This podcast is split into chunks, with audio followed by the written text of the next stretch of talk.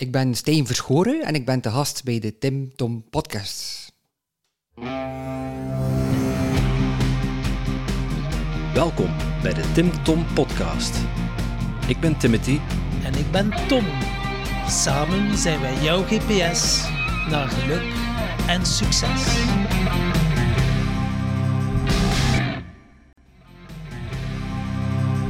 Dag lieve luisteraar. Ik kan me zomaar voorstellen dat je tijdens het luisteren van deze podcast plotseling zin krijgt om van alles op te schrijven. Wat zou jij nu werkelijk willen met al die inspiratie en al die inspirerende gasten? Maar dat is nogthans helemaal niet nodig. Oeh, dat is niet nodig. Hé, hey, kan ik dat niet allemaal niet onthouden? Ze? En uh, wie gaat dat opschrijven voor mij? De kaboutertjes misschien? Nee, maar dat hebben wij al voor jou gedaan. Surf naar www.timtompodcast.com en daar vind je een blog boordevol tips en wijze inzichten van onze gast. En als je er dan toch bent, download dan meteen ons gratis e-book vol boekentips, luistertips en nog meer inspiratie voor jouw persoonlijke groei. Dag lieve luisteraars. Ja, een nieuwe route van de Tim Tom podcast, Tom. Ja, inderdaad. Ik ben een beetje verkouden. Misschien dat de mensen het horen, misschien ook niet. Maar uh, ja, het zou zomaar kunnen dat er af en toe een, een niesken of een, uh, een kuchje tussendoor komt. Excuseer. Ja, maar uh, ik heb er geen schrik van, want ik ben toch zo bezig met gezondheid. Dus mijn immuunsysteem werkt heel goed. Dus niest maar zoveel dat je wilt, jongen. Tegenwoordig moet je zeggen, het is geen corona, het is geen corona. ik weet het eigenlijk niet, maar het interesseert mij niet. Alleszins, onze gast van vandaag, Tom, de Stijn. Ja. Je had er ja, woorden tekort voor eigenlijk. Ja, ik had uh, vorige week of twee weken geleden hadden we een dagje in de presence. Hè. Ja, dat is de kracht van het nu. En uh, ja, dat was een van de deelnemers. En ja, ik sta er nog op om de deelnemers dan ook wel persoonlijk te leren kennen. En ik had ja, een heel leuk en mooi gesprek. En ja, zijn verhaal boeide mij zodanig dat ik hem gewoon direct heb uitgenodigd. Ik zei, oh Stijn, vertel niet te veel. We gaan dat houden voor in onze podcast. En hij is er nog op, onze op mijn uitnodiging ingegaan. Daarmee zit hij gezien, de Stijn. Oké, okay, ja, dan gaan we eens uh, aan een tand voelen. Hè. Ja. Stijn. Hallo, hallo. Welkom bij onze podcast. Dankjewel. Tof dat je tot hier wilde komen. Uh, ja, vertel. Uh, Tom die, uh, die zei dat je moest zwijgen, maar uh, vanaf nu moet je uh, alles vertellen wat je wilt vertellen. Eigenlijk. Wat dat mij eigenlijk triggerde, wat vertel jij maar, hè? begin met te vertalen. Maar nee, wat dat hij triggerde, zegt hij van... ja, ik heb nogal een aparte opvoeding gehad. namelijk, ik ben opgevoed tot getuige, ik zei wel, getuige van Jehovah. Wow, dan uh, ging er van alles in mijn systeem. Zodat ik dacht van, wow man, dat is uh, de primeur. Want ik heb wel al enkele gesprekken gehad met getuigen van Jehovah's. Ik liet ze af en toe binnenkomen, dat ik dan dacht van, wie is die een mens? Ik wil die wel wel leren kennen, maar ja, wat toch uh, aparte gesprekken, laat me wel zeggen. Dus ja, echt wel benieuwd. Dus als ik het goed begrijp, u... Uw ouders waren getuigen van Jehovah. Ja, inderdaad. Die waren inderdaad getuigen van Jehovah. En uh, ja, dat is geen gemakkelijke opvoeding, want er heel wat regeltjes zijn ook uh, bij deze organisatie. En uh, om bijvoorbeeld een regeltje op te noemen, als ik uh, klein was in school, iedereen bracht een cadeautje mee naar, naar, de klas. En ik mocht dat niet meenemen, dus ik ging dan persoonlijk naar de winkel om zelf iets te kopen en zelf in te pakken en dat, dat als cadeautje te geven aan, aan mijn klasgenootje dan. Dus ehm, ja, dat was inderdaad heel confronterend, omdat je dan eigenlijk uitgesloten voelt ja, in de klas, bij je klasgenootjes. En, en daar begint het allemaal ook. Hè. Je wordt uitgesloten in, uh, bij kerst en nieuwjaar, bij alle feestdagen die er zijn, ja, val je eigenlijk uit de boot. Wauw. Dus, dus, dat is heel confronterend. Echt, uh, ja. Ik, ik, ken de getuigen van Jehovah als die mensen die van deur tot deur komen om uh, het licht te brengen. En ja, bij ons, de, ik ben opgegroeid in een boerderij, we hadden niet echt recht een voordeur. Uh, maar er zijn de mensen die er voet tussen de voordeur zetten als je wilt toedoen. Dat is eigenlijk dat gebeurt, ja. het enige wat ik ervan weet. Maar kun je mij wat vertellen? Wat, wat, wat zijn getuigen van Jehovah? Ja, die komen eigenlijk het, het geloof verkondigen. Dat is de enige waarheid, de, waarheid, de waarheid. En die komen jou eigenlijk ja, uh, ompraten, jouw overtuiging te veranderen, om mee te stappen in de organisatie. Omdat je dan op die manier eigenlijk gaat gered worden als Armageddon, eh, eigenlijk de, het einde der tijden komt, om dan zo in de opstanding terecht te komen. Dus bij het eeuwig leven. Wauw, dat is een mooie boodschap om te brengen. Maar ik vind het wel al fascinerend dat jij eh, als klein jongetje al eh, de regels volledig aan je laars lapte. Of eh, dat je zoiets had van, nee, ik breng wel een cadeautje mee. Dus je had echt wel eens al een overtuiging, hier klopt iets niet, hier wil ik geen deel van uitmaken. Zeker, die overtuiging eh, was zeker heel voelbaar. En eh, ja, als klein manneke had ik altijd al zoiets van, ik moet hier zelf ook eh, er kunnen bij horen. Ik wou er ook bij horen. Ik wou me niet uitgesloten voelen. En het voelde ook niet, niet zuiver aan, niet oké aan. Dus als klein manneke voelde ik dat al heel sterk aan. Dus, dus daarom dat ik ook ehm, een andere pad ben opgegaan. Maar ik kan mij wel inbeelden, ja, als je van met de paplepel wordt ingegeven, als je van niet beter weet. Ja, tuurlijk, ja, als je naar school gaat, zie je wel dan de andere kindjes dan anders zijn, dat er dan toch wel iets niet klopt. Maar ja, ik kan mij toch wel inbeelden, je ouders zijn je opvoeders, dat er, ja, en er staat toch in ergens geschreven van, je moet je ouders gehoorzamen. Zeker. En die gehoorzaamheid was het eh, eh, allermoeilijkste, omdat ik ook mezelf niet kon zijn. Dus ehm, ja, je moet dingen doen eigenlijk tegen je zin. En je werd ook totaal niet gehoord eh, als klein manneke. En dat heeft natuurlijk ook zijn sporen nagelaten, ook bij het ouder worden. Dus, ehm, maar dat vooral, hè. dus die vrije keuze die ik toen niet had, ja, dat is nu heel sterk naar boven gekomen nu, dat ik echt kies voor die zelfregie. Van kijk, als je iets wilt in het leven, dan, dan maak je ook die keuze. En neem die verantwoordelijkheid daarvoor. En, en eh, je, je vertelt nu over jouw jeugd als klein jongetje. Eh, wanneer werd dat voor jou problematisch? Dat was ongeveer rond, ja, in, in het lager, eh, was dat al, hé, dat je eigenlijk apart moest gaan zitten. Dus de jongeren gingen dan al dan uit je godsdienst en zedenleer. En dan moest ik al in, een- in, een- in een aparte ruimte gaan zitten. Oké, Dus eh, dan werd hij eigenlijk al afgezonderd. Dus ook geen zedeleer, eh, dat Nee. mocht ook allemaal Nee, niet? nee, dat was ook niet, niet toegestaan. Oké. Dus dan voelde je al wel een beetje het buitenbeentje ook. En, en dan wil je dan een masker opzetten. hè. En, en dan, ehm, om er toch bij te horen, dan doe je dan extra dingen om, om de aandacht te krijgen. hè. Dan kan ook wel uitsteken. Ja. Zo'n dingen. Om er toch maar bij te horen. En ja, dat is inderdaad wel... allee, niet helemaal oké. hè. En hadden broertjes en zusjes ook? Ik had nog drie oudere broers ook. En eh, die, ja, die waren uiteraard ook bij de getuigen van Jehovah. Ehm, ja, die volgden ook de regels. hè. Allee, ergens, behalve ehm, de derde oudste broer. Ehm, die, had, die was ook even creatief als ik. die ging er ook op dezelfde manier mee om. Ja, die is ondertussen ook uit de organisatie gestapt. En we hebben ons alle twee niet laten dopen. Dus we hebben bewust gekozen om ons niet te laten dopen. Want als je gedoopt wordt, dan ben je eigenlijk lid van de organisatie. En dan heb je ook de belofte gemaakt. Dus dan ben je gedoopt. En als je dan bijvoorbeeld ehm, enkele regels overtreedt, zoals overspel of, of andere dingen die, die volgens de, het bestuur, het besturend lichaam, zijn een aantal mensen die aangesteld worden eigenlijk om ja, eigenlijk mensen te oordelen, te beoordelen. Ja. En eh, doordat wij dat niet gedaan hebben, ja, dan kunnen wij ieder moment teruggaan naar de organisatie en, en ehm, is er voor, ook ons, eh, voor ons ook geen probleem. Snap je? Wij kunnen ook geen uitsluiting krijgen of wij mogen nog praten tegen onze ouders. Maar bijvoorbeeld mijn eh, tweede oudste broer, die nu ondertussen een jaar gestorven is, die was gedoopt en die mocht geen contact meer hebben met mijn, eh, met mijn mama en mijn broer, die wel nog bij de organisatie zat. Als straf. Als straf eigenlijk, hè? Ja, als, als straf om, om zo berouw, berouw te kunnen tonen aan de organisatie. Eh, dan moest hij eigenlijk terugkomen naar de vergaderingen en eh, de organisatie terug, allee, meer betrokkenheid terugcreëren bij de organisatie.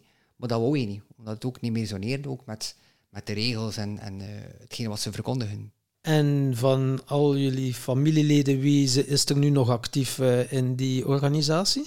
Mijn moeder en mijn oudste broer en dan ook ja, een tante en een onkel. Eh, het is zo'n beetje 50-50. Oké, ja, ja, ja. En heb je dan ook nog contact met je moeder? Of is dat... eh, Ik heb nog contact met mijn moeder, maar je voelt die, die afstand. Dus zij hebben eigenlijk al ergens voor hunzelf besloten dat ze hun zoon gaan moeten achterlaten. Dus afscheid nemen. Dus je voelt dat dat echt wel eigenlijk al aanwezig is. ja, Ja, amai. En eh, Wanneer heb je het voor de eerste keer uitgesproken? Zo naar je moeder en je vader? Zo van, eh, ja, ik kap ermee, doe Golden Marmeeldere show verder, maar eh, ik stap hier uit dat theater. Wel, dat was natuurlijk een heel proces, want ik werd ook gestraft ook. Dus uh, ik, ja, 13, 14 jaar, 15 jaar begon ik al die aan te geven van ik wil hier niet meer mee, dat voelt niet goed aan. En dan werd ik ook gestraft, bijvoorbeeld met mijn drinkgeld. Dus dan, dan werd ik ook op die manier eigenlijk ja, gestraft. En dat was niet fijn, want je voelt van ik wil dit niet meer. En, en dan ja, doen ze zo'n dingen en dan voel je je eigenlijk heel machteloos eigenlijk. En dat brengt wel het een en ander teweeg. Boosheid, frustratie, woede.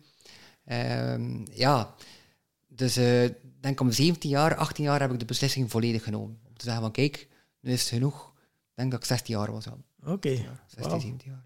Moedig. En ja, dat vraagt me dan ook af. Uh, een getuige van Jehovah gaat die nog gaan werken? Of is dat dagelijks dat jij aan de deur boekjes moet verkopen en dat de organisatie zegt, hier heb je dus 500 euro in de maand en uh, daar moet het mee doen? Die hebben ook een normale job. Ja, die okay, zitten overal. Okay, ja, ja, dat, ja, kan een, dat, kan een, advocaat zijn, dat kan een rechter okay, zijn, dat kan een, een, bankdirecteur zijn. Eigenlijk speelt het geen rol. Dus, ah, ja. Dus, en die gaan inderdaad uh, van deur tot deur om het geloof te verkondigen, om, om mensen te overtuigen om bij de organisatie te komen. He. Omdat hun doel is eigenlijk om zoveel mogelijk mensen te redden. Ja, want...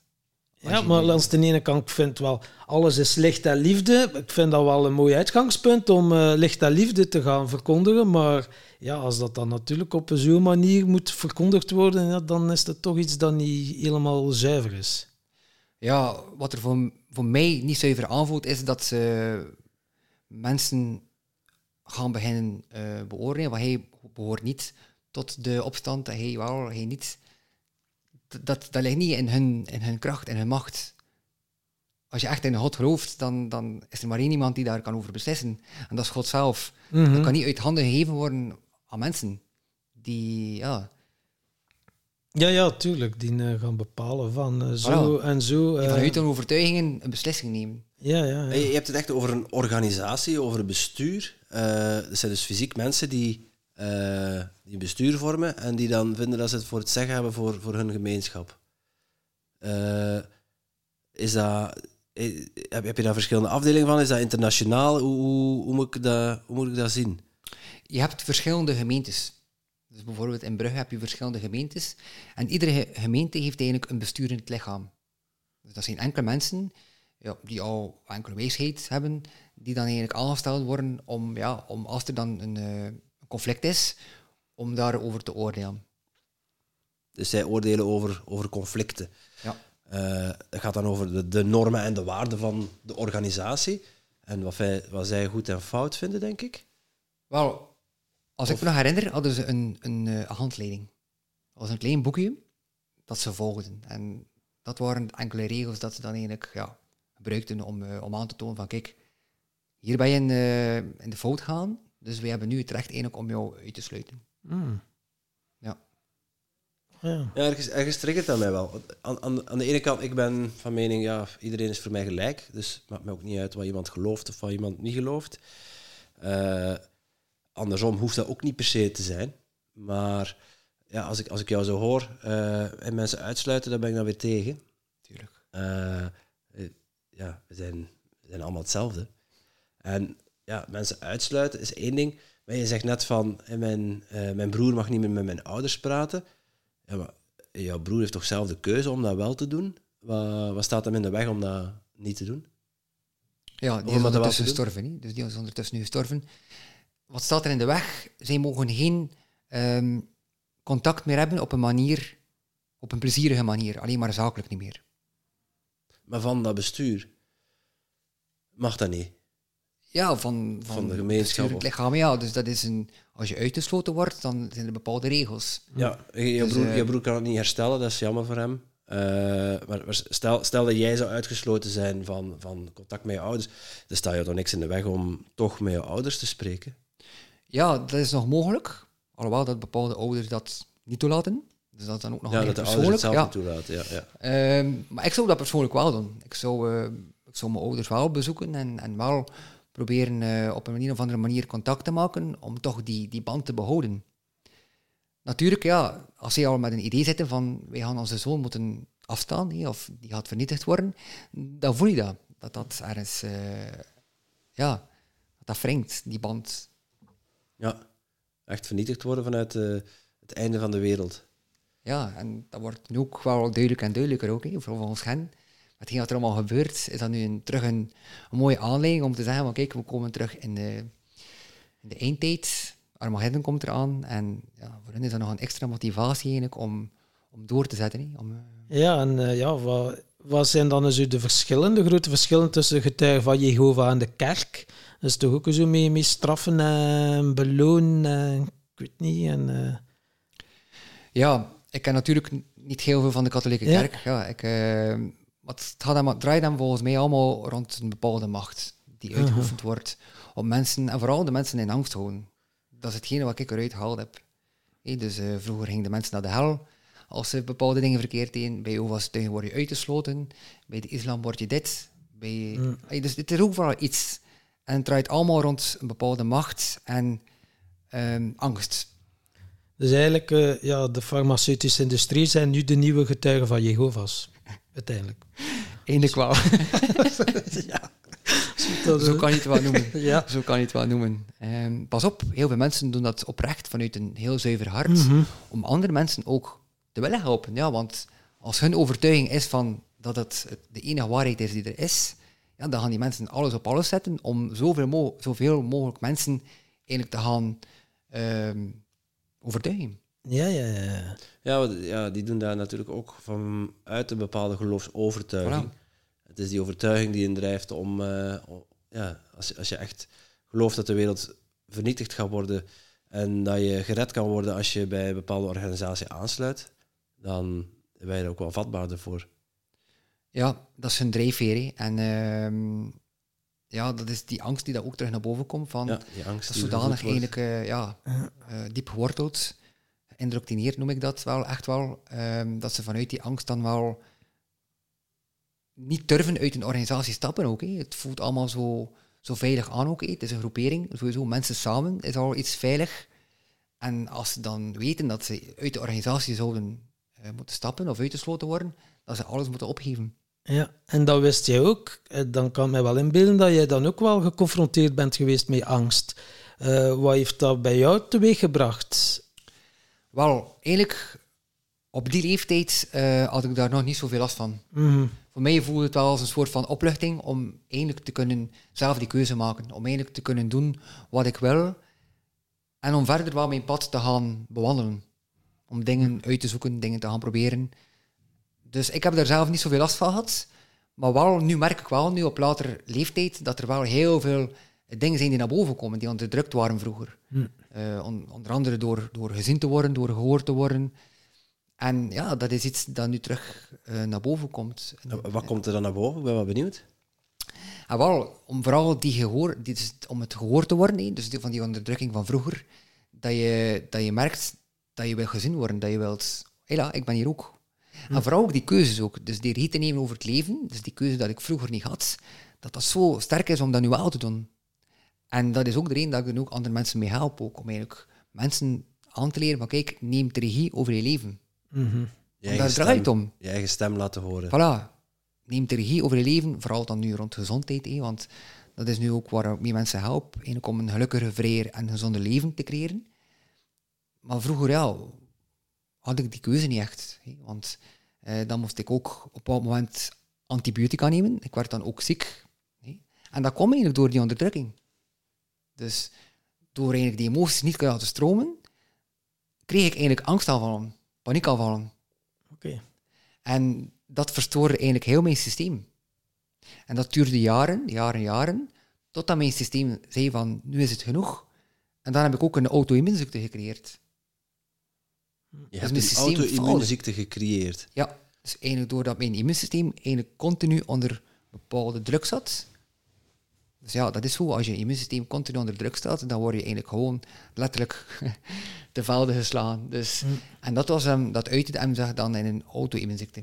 En die jaren eh, angst- en paniekaanvallen, heb je dat dan eh, eerst eh, mee omgegaan? Met medicijnen slikken? Of, Nee, ik heb daar eigenlijk altijd proberen weg te steken ook. want dat, dat, dat was echt overal.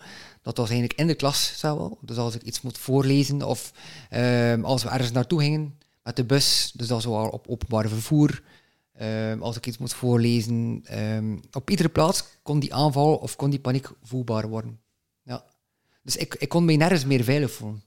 Oké, ja. Dus ik stond continu onder angst. Wauw. Ja, zo. En natuurlijk, als je zo rondom u kijkt, heel veel mensen zitten nu continu onder angst. Eh, paniek, ja, door eh, onze goede vriendjes van de media en nog andere vriendjes en eh, vriendinnetjes. Maar wat tips heb je voor de mensen die nu zich zo ook aangesproken voelen van wow, ik heb ook regelmatig angst- en paniekaanvallen. Wat, wat zou jij willen meegeven? Hoe heb jij er met alle kennis die je door de jaren heen hebt opgedaan, zouden... Luister naar de Tim podcast. Ja, Onder Oh, andere. het was niet aan mij dat het. Eh, Eh, eh, Onder andere. Vooral naar deze podcast dan.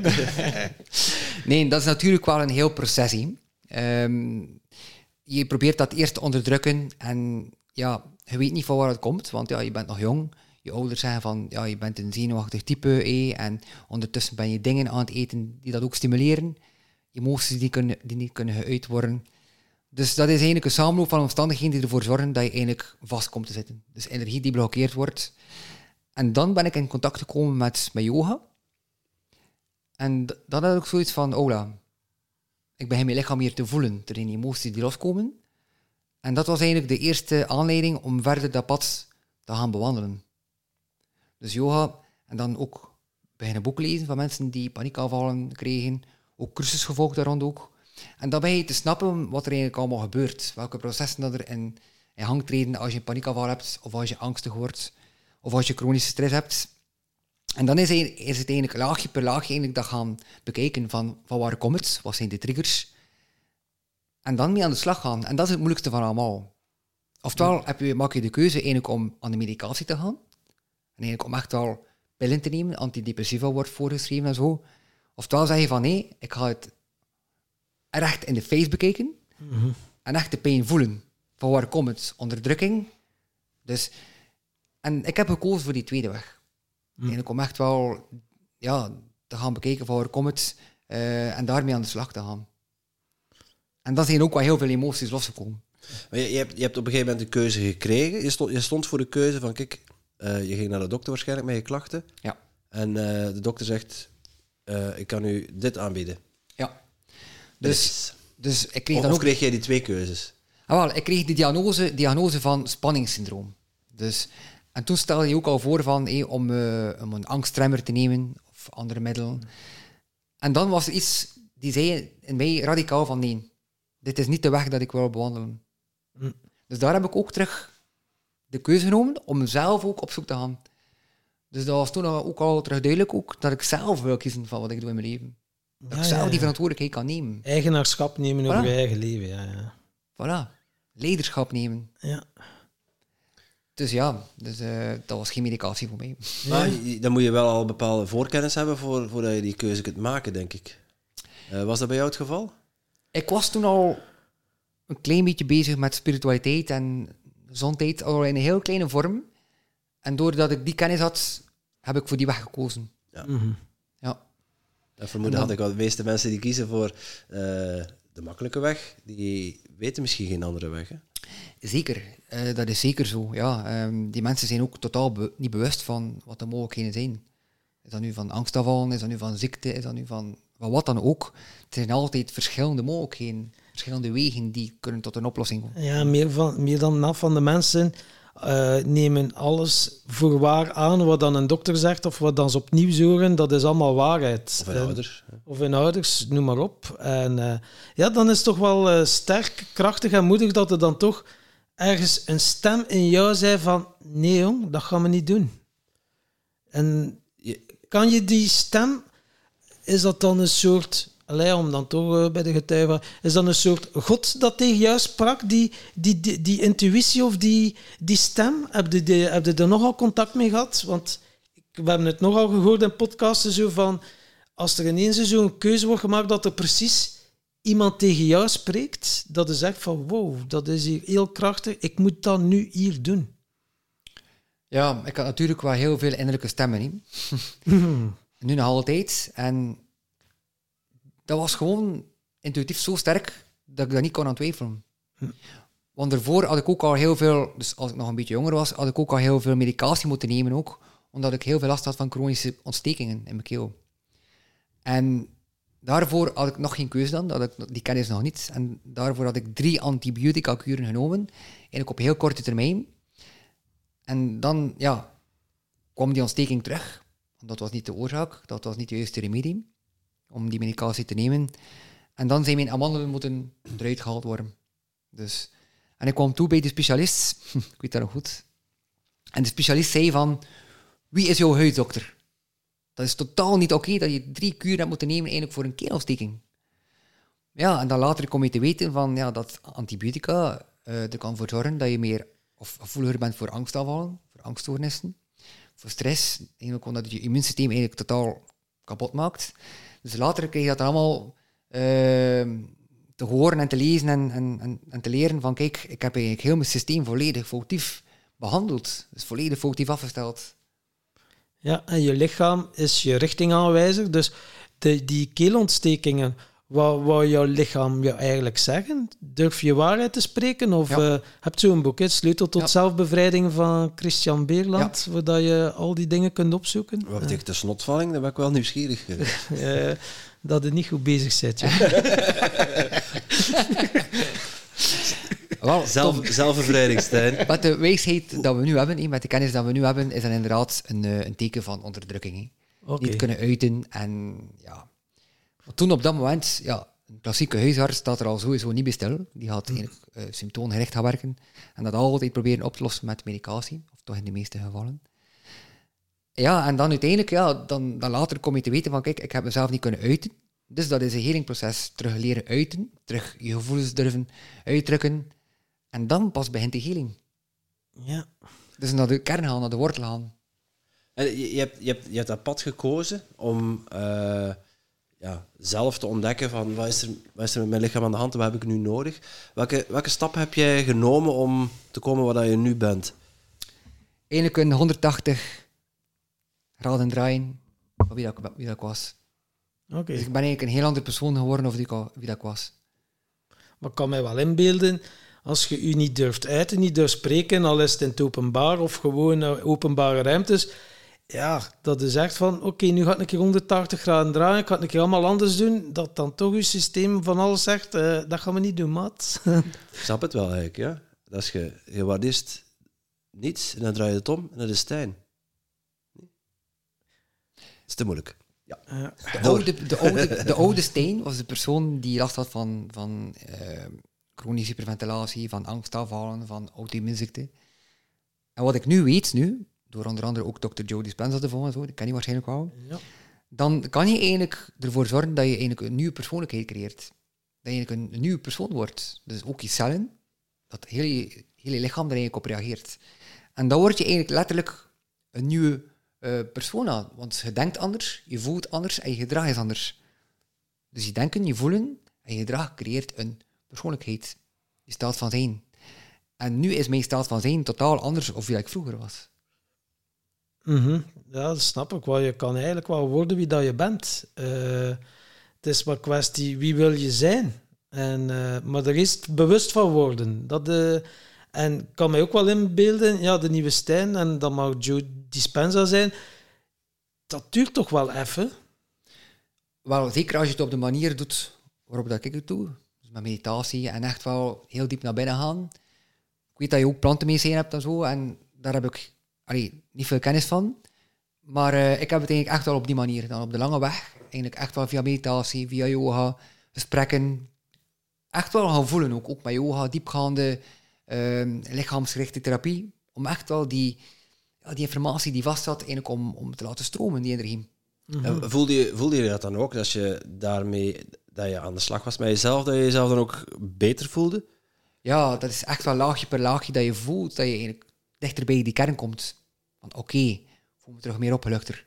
Eh, je bent ook anders te reageren ook in situaties. Ehm, je voelt het echt wel. En Ja, die fysieke klachten verdwenen dan ook op termijn. ja want eh, die chronische hyperventilatie, dan had je totaal eh, spierpijn over je lichaam. En nu heb ik praktisch geen spierpijn meer. En ook mijn auto-immuunziekte heb ik ook kunnen zelf op een natuurlijke manier eigenlijk transformeren. Wauw. Dus zonder medicatie. Terwijl ook dat terug twee artsen zijn op dat moment van... Stijn, je moet medicatie nemen voor de rest van je leven. Ja, dat is een mooie suggestie. Voilà. En, en op je dat moment... niet- Ja, Je hebt die niet aangenomen. Nee. Nee. Dat is veel, hè? Ja, dokters hè, met een witte jas, dat zijn hele goede hypnotiseurs. Hè? En die geven eh, een suggestie. En als jij die voor waar aanneemt, zit ze in je systeem en geraakt er niet meer vanaf. Hè? Maar dan zegt u onderbe, ah, eindelijk snap wat ik heb. Of van, je bent depressief. En dan, ja, over depressie, natuurlijk kunnen mensen depressief zijn en is de medicatie soms aangewezen. Ik kan je niet beginnen zeggen van.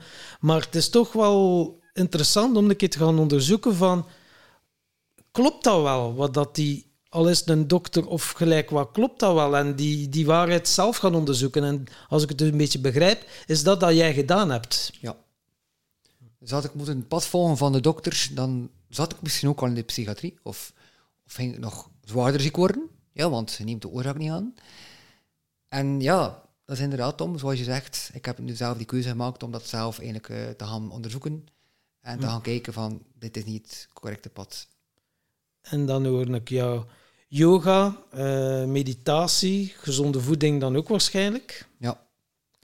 Zonder voeding ook ja, heel, heel veel eh, over gestudeerd ook. En, en echt wel ook gaan kijken ook naar de pure voeding, de natuurlijke voeding.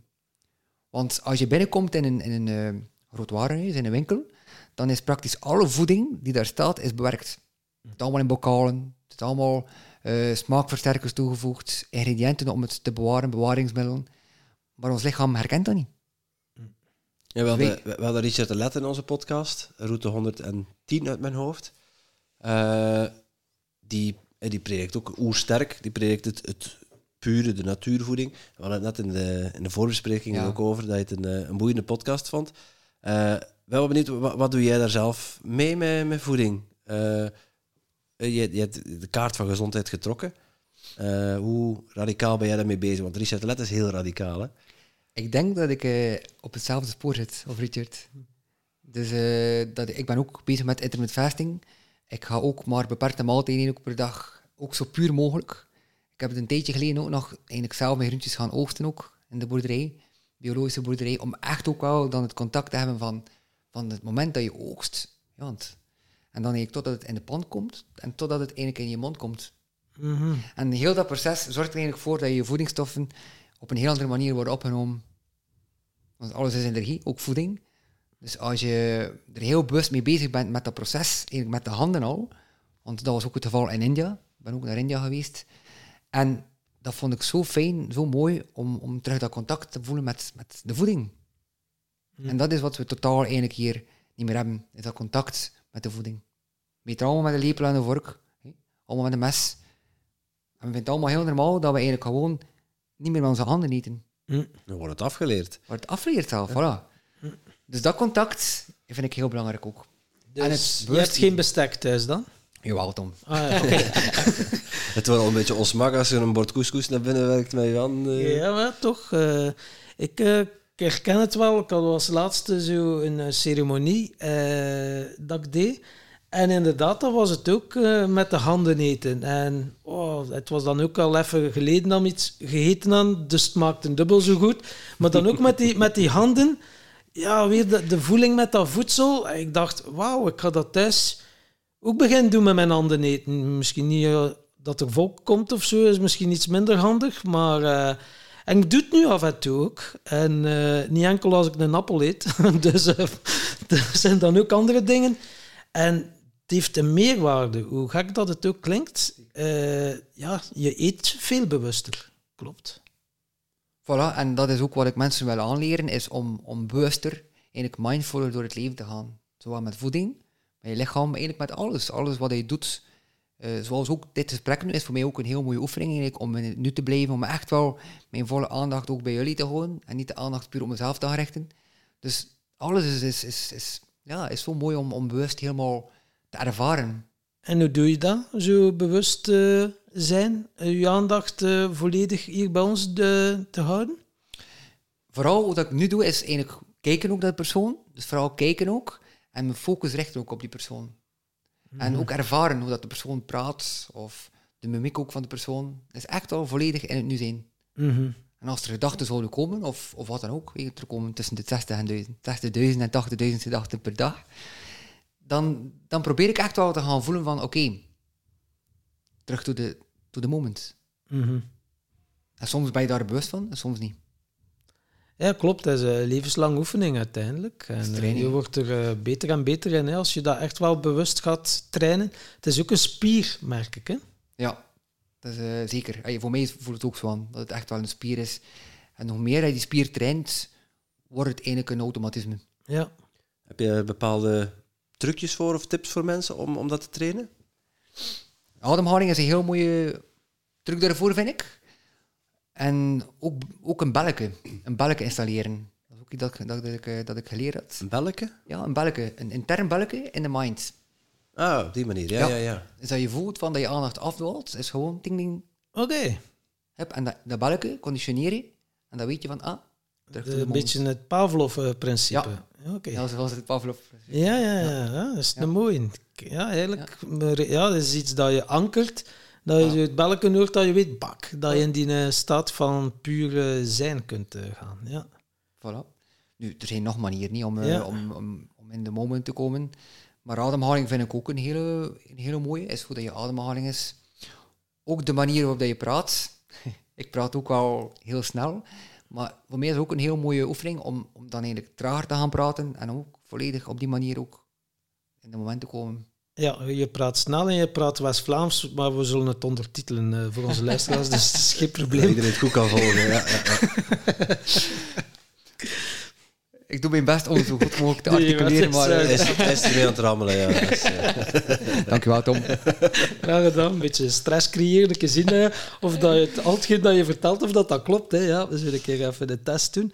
Want je zei van eh, je uiten, hè, dat is... eh, maar ik vind, je zit hier toch... eh, voor mij zit toch iemand die heel zelfzeker is. eh. en heb je nog eens zo'n momenten dat... eh, is het elke keer weer opnieuw dat je zegt... "Wow, ik voel me onzeker. Ik moet hier even ademhalen voor nu bijvoorbeeld dat gesprek te doen? Of is dat zoiets van, ja, ik voel wel een beetje spannend, maar ja, het gaat niet meer uit de weg? Of, Ja, wel heel in het begin had ik al zoiets terug, want dat is nog iets dat diep geworteld zit. En dat is wel zo, als je angststoornissen had, of ja, dat, is dat, dat zit dat zodanig diep geconditioneerd in je lichaam, van hoe meer dat je het gaat doen, hoe beter en hoe vlotter dat het zal verlopen. mhm. Dus dit is iets dat, ja, dat ik niet gewoon ben. Dus ik had daar wat, wat gezonde zenuwen voor. En ook wel wat een hogere hartslag en zo. Maar dan, dan heb ik ook bewust gaan praten tegen mijn lichaam van kijk, er is niks aan de hand. Er is hier totaal geen gevaar. En dat is die interne zelfdialoog. Zit hier wel iemand met een snotvalling nevens mij? Dus in principe is er wel een beetje gevaar. We zitten op voldoende afstand eh, volgens, eh, volgens de regeltjes. Hè. Maar onze immuniteit is hier allemaal heel Voilà, sterk. ik wou dat zeggen. jullie Twee, gezonde, twee, oersterk. gezonde, twee gezonde kerels die eh, helemaal zot zijn van eh, gezonde voeding. En eh, jullie immuunsysteem moet daar wel tegen kunnen, toch? Dat zou wel zijn. Ik heb een klein kindje, dus die krijgt allemaal, allemaal verse dingen binnen die ik ook nog niet gehad heb. Hè. Dus, eh, maar eh, ehm, ja, ik hoorde jou net zeggen, Stijn, eh, je hebt een kaart van gezondheid getrokken en je helpt ook mensen daarmee. Ja, Maar wat doe je precies? dat is echt wel een passie geworden. Eigenlijk echt wel mijn, eh, mijn levenspad. Want dat voel ik ook heel sterk. Eigenlijk om mensen daar ook ehm, daarin te begeleiden. Maar vooral naar eigenlijk een gezonder, vrijer en gelukkiger leven. Dus vrijer, mensen die, die in een mentale gevangenis leven, ja, die hebben geen vrijheid. Maar vrijheid kan ook gaan over, over je leven creëren. Over de regie nemen over je leven. Op alle vlakken. Op alle, eh, op alle acties dat we ondernemen. Wie wil je worden? Dat is, dat is de manier waarop dat coach. In holistische coaching gaan we gaan kijken van welke zaken zorgen ervoor dat je vast komt te zitten. Dat je eigenlijk niet de persoon bent wie dat je zou willen worden. Overtuigingen zijn een van de grootste oorzaken ervan. Maar ook gewoon eh, het lichaam die, die nog niet mee wilt, die niet klaar is ervoor. Dus door ongezond zijn bijvoorbeeld. Dus we moeten op die, op die, ik noem ze zoals Richard ook zegt, eigenlijk body, mind en soul. Eigenlijk is op dezelfde manier dat ik te werk ga. Dus ook die, die purpose vinden van, wat doe ik hier? En daarvoor gebruik ik eh, mindful embodiment. Om eigenlijk echt aan mensen zichzelf terug te laten belichamen. Om te kunnen voelen van, wie ben ik eigenlijk? Om dichter te komen bij zichzelf. Mm. En dat, dat is hetzelfde ook voor voeding. Ik vind het heel eigenlijk, eh, het beste eigenlijk voor mij dat aanvoelt is hoe beter dat mensen zich connecteren met de natuur, hoe beter dat ze geconnecteerd worden met zichzelf. Connecteren met de natuur. Eh, op wat voor manier eh, moet ik daaraan denken? Bijvoorbeeld door in de natuur aanwezig te zijn, maar ook door puur, pure voeding te eten. Met je Dus- handen eten, het zelf plukken. Ja, zelf echt wel die, die connectie terugvoelen met de natuur. Met de bron waarvan we komen. En dan kan je volgens mij ehm, veel beter aanvoelen wie dat je bent en wat je doet. Ja, het is niet zo van eh, dat je zegt, ga elke dag eh, 15 minuten een boom gaan knuffelen en je hebt terug connectie met de natuur. Nee. Ik denk dat je iets langer hebt. Stop. Nou, een half uur voor u. nee, het staat puurheid. puurheid. En ehm, er is zoveel niet zichtbaar met het blote oog. En, en ehm, dat ervaar ik dan ook wel in meditatie ook. Als je dan in de meditatie komt, diepgaande meditatie, dan ervaar je dat ook. Dan, dan ervaar je die, die onzichtbare energie, die geheelheid. Die, dan voel je gewoon ook dat er veel meer is of wat er, wat er zichtbaar is met, ons blote oog. En dan heb je ook geen besef meer van tijd en materie. Hm. Dan zit je in dat veld uiteindelijk. eh, het veld van on, eh, oneindige mogelijkheden, van de pure potentialiteit. Ja. Ja. En mediteren, hoe, hoe, hoe werkt dat voor jou? Eh, heb je daar een vast ritueel bij? Of, eh, Ah, nu dat we toch bezig zijn over rituelen. dus eigenlijk, mijn ochtendritueel is eigenlijk vanaf het moment als ik wakker word, is eigenlijk om mezelf eigenlijk te gaan conditioneren. Dus eigenlijk hoe dat mijn ideale dag eruit ziet. En ook de persoon wie dat ik wil worden. Visualiseren Ja, dan. Dus visualisatie. Oké. Eigenlijk echt wel gaan kijken van wie wil ik worden. En dan ga ik mezelf dat ook gaan inbeelden. Ook. Dus dan zie ik die persoon voor me. Wat, dat, wat, wat ik op dat moment aan het doen ben. En waarom doe ik dat morgens? Omdat het, vanaf het moment dat je wakker wordt, dan heb je een directe toegang tot je onderbewustzijn. En zo kan je dingen gaan, sneller gaan programmeren. Wat er heel vaak gebeurt is, vanaf het moment dat we wakker worden, dan zijn we eigenlijk al aan het denken van al de to-do's dat we te doen hebben. Al de dingen die moeten gebeuren, of de dingen die verkeerd gelopen zijn gisteren, of de dingen die gaan verkeerd lopen. En dan zijn heel veel mensen eigenlijk al in een negatieve mindset aangekomen. En creëren ze eigenlijk hun dag eigenlijk, ja, die dan uiteindelijk ook wel eh, verkeerd afloopt door bepaalde dingen die gebeuren. Terwijl de mindset eigenlijk al van morgens vroeg eigenlijk al niet echt... Dus je visualiseert je dag, je weet, oké, dat zijn de taken die ik te doen heb en je beleeft ze al vanuit je bed. Nee, het gaat hem eerder over, over mijn ideale ik. Wie wil ik worden? Wat ben ik aan het doen? En vooral, hoe voel het? Mhm. Dus eigenlijk een beeld creëren met een emotie. Je toekomstige ik. Ja. De ideale versie van jezelf, of Ja. de mooiste versie van jezelf. En dat eigenlijk ook al voelen dat het zo, dat het zo is. Dat Ja, het ja. al zo is. Dat is een belangrijke. Ja. Voilà. Want heel vroeger had je zo de... Dat was mijn eerste, eerste film of boek, The Secret. Ja. En als je dat boek leest, dan denk je van, ja, ik ga hier mijn leven manifesteren in vijf minuten. Ja, klopt. Ja. Maar zo werkt het nu helemaal niet. spijtig, hè? Jammer, hè? Ja, daar, daar ligt Think and Grow Rich op die stapel. eh, ja, daar staat het ook in. eh, Staat het in zijn boek ook? eh, niet zo letterlijk, maar wel dat je, eh, dat je gedachten kunt, kunt sturen. Hè? Dat, Ja. je, dat het leven maakbaar is in principe. Ja, en... En het- Om- als je het leest, dan lijkt het, denk ik, oh ja, dat ga ik doen. En dan, ja, de realiteit is iets weer Ja, barstiger. zeker. En blijkbaar heb je ook twee verschillende type mensen. Eh eerst type persoon die gemakkelijker toegang heeft tot zijn onderbewustzijn. En dan een ander type persoon die het veel moeilijker heeft om, om tot zijn onderbewustzijn eh, toegang te krijgen. Oké. Dus, en ik, ben, ik behoor bij type 2 persoon. Dus ik heb het moeilijker om, om tot mijn onderbewustzijn te komen. Om die beelden te gaan creëren. Dus soms duurt het wel eventjes om, om, om een bepaald beeld te zien of een gevoel te creëren. Misschien omdat je dan meer kinesthetisch bent in plaats van dat je visueel bent. Ja, dat kan zeker. Of ja. meer auditief bent. Omdat je ook Vooral auditief, ja. vooral Auditief, auditief, en ja, Auditief. dat is inderdaad wel zoiets. Ja. Om beelden te creëren als je niet echt visueel bent, maar dan gaat het meer met geluiden doen, maar uiteindelijk het gevoel blijft hetzelfde. Ja. En eh, het is maar hoe dat je het voelt. Van, nou, de ideaal ik, is de- hoeft er een beeld bij te zijn? Nee, als je het voelt, dan is het al een heel goede stap. eh, en ja, ben je al heel goed op weg. Ja. dat, dat is ook de reden dat ik, dat, dat ik het eh, combineer, Tom. Ja, Dus dat ik ja. eh, echt wel ook zelf insproken affirmaties en allemaal inspreek. En dat het ook echt wel gevoeld wordt. Dat alles wat ik zeg, heb ik niks meer van weerstand. Mhm. Ik zie vaak in mijn coachings, als ze een bepaalde audio moeten beluisteren, dat ze weerstand ervaren door ja, iets die nog geblokkeerd zit, een blokkade. Maar ik kan echt alles ontvangen, alles is ontvankelijk. Ja, ja, maar heel veel mensen, hè. hoe ziet er de mooiste versie van jezelf uit? Ja, dat weet ik niet. Hè. Eh, bij heel veel mensen blokkeren dan. Hè. Ja. Die durven niet meer te, te dromen of te fantaseren. Hè. Dat is ons afgeleerd. Ja, inderdaad. Ja. Ik, ik, ik zei dat wel vaker, zo, de vergelijken van eh, wie wil er verandering? En dan zijn er altijd heel veel mensen die, ja, ik, wil verandering. En dan is de vraag, wie wil er veranderen? Ja, ja dat is Dan ook is het stil, ja. We hadden het over jouw ochtendritueel. Eh, eh, sorry, ik hoor jou visualiseren zeggen, ik hoor affirmeren. Ja, dus dat is een combinatie van, dat is een samenstelde audio van mezelf. Maar ik voel dat er nog meer zit Ja, dus, dus die audio, vooral eh, dus als ik wakker word, en dan ga ik ehm, intuïtief gaan bewegen.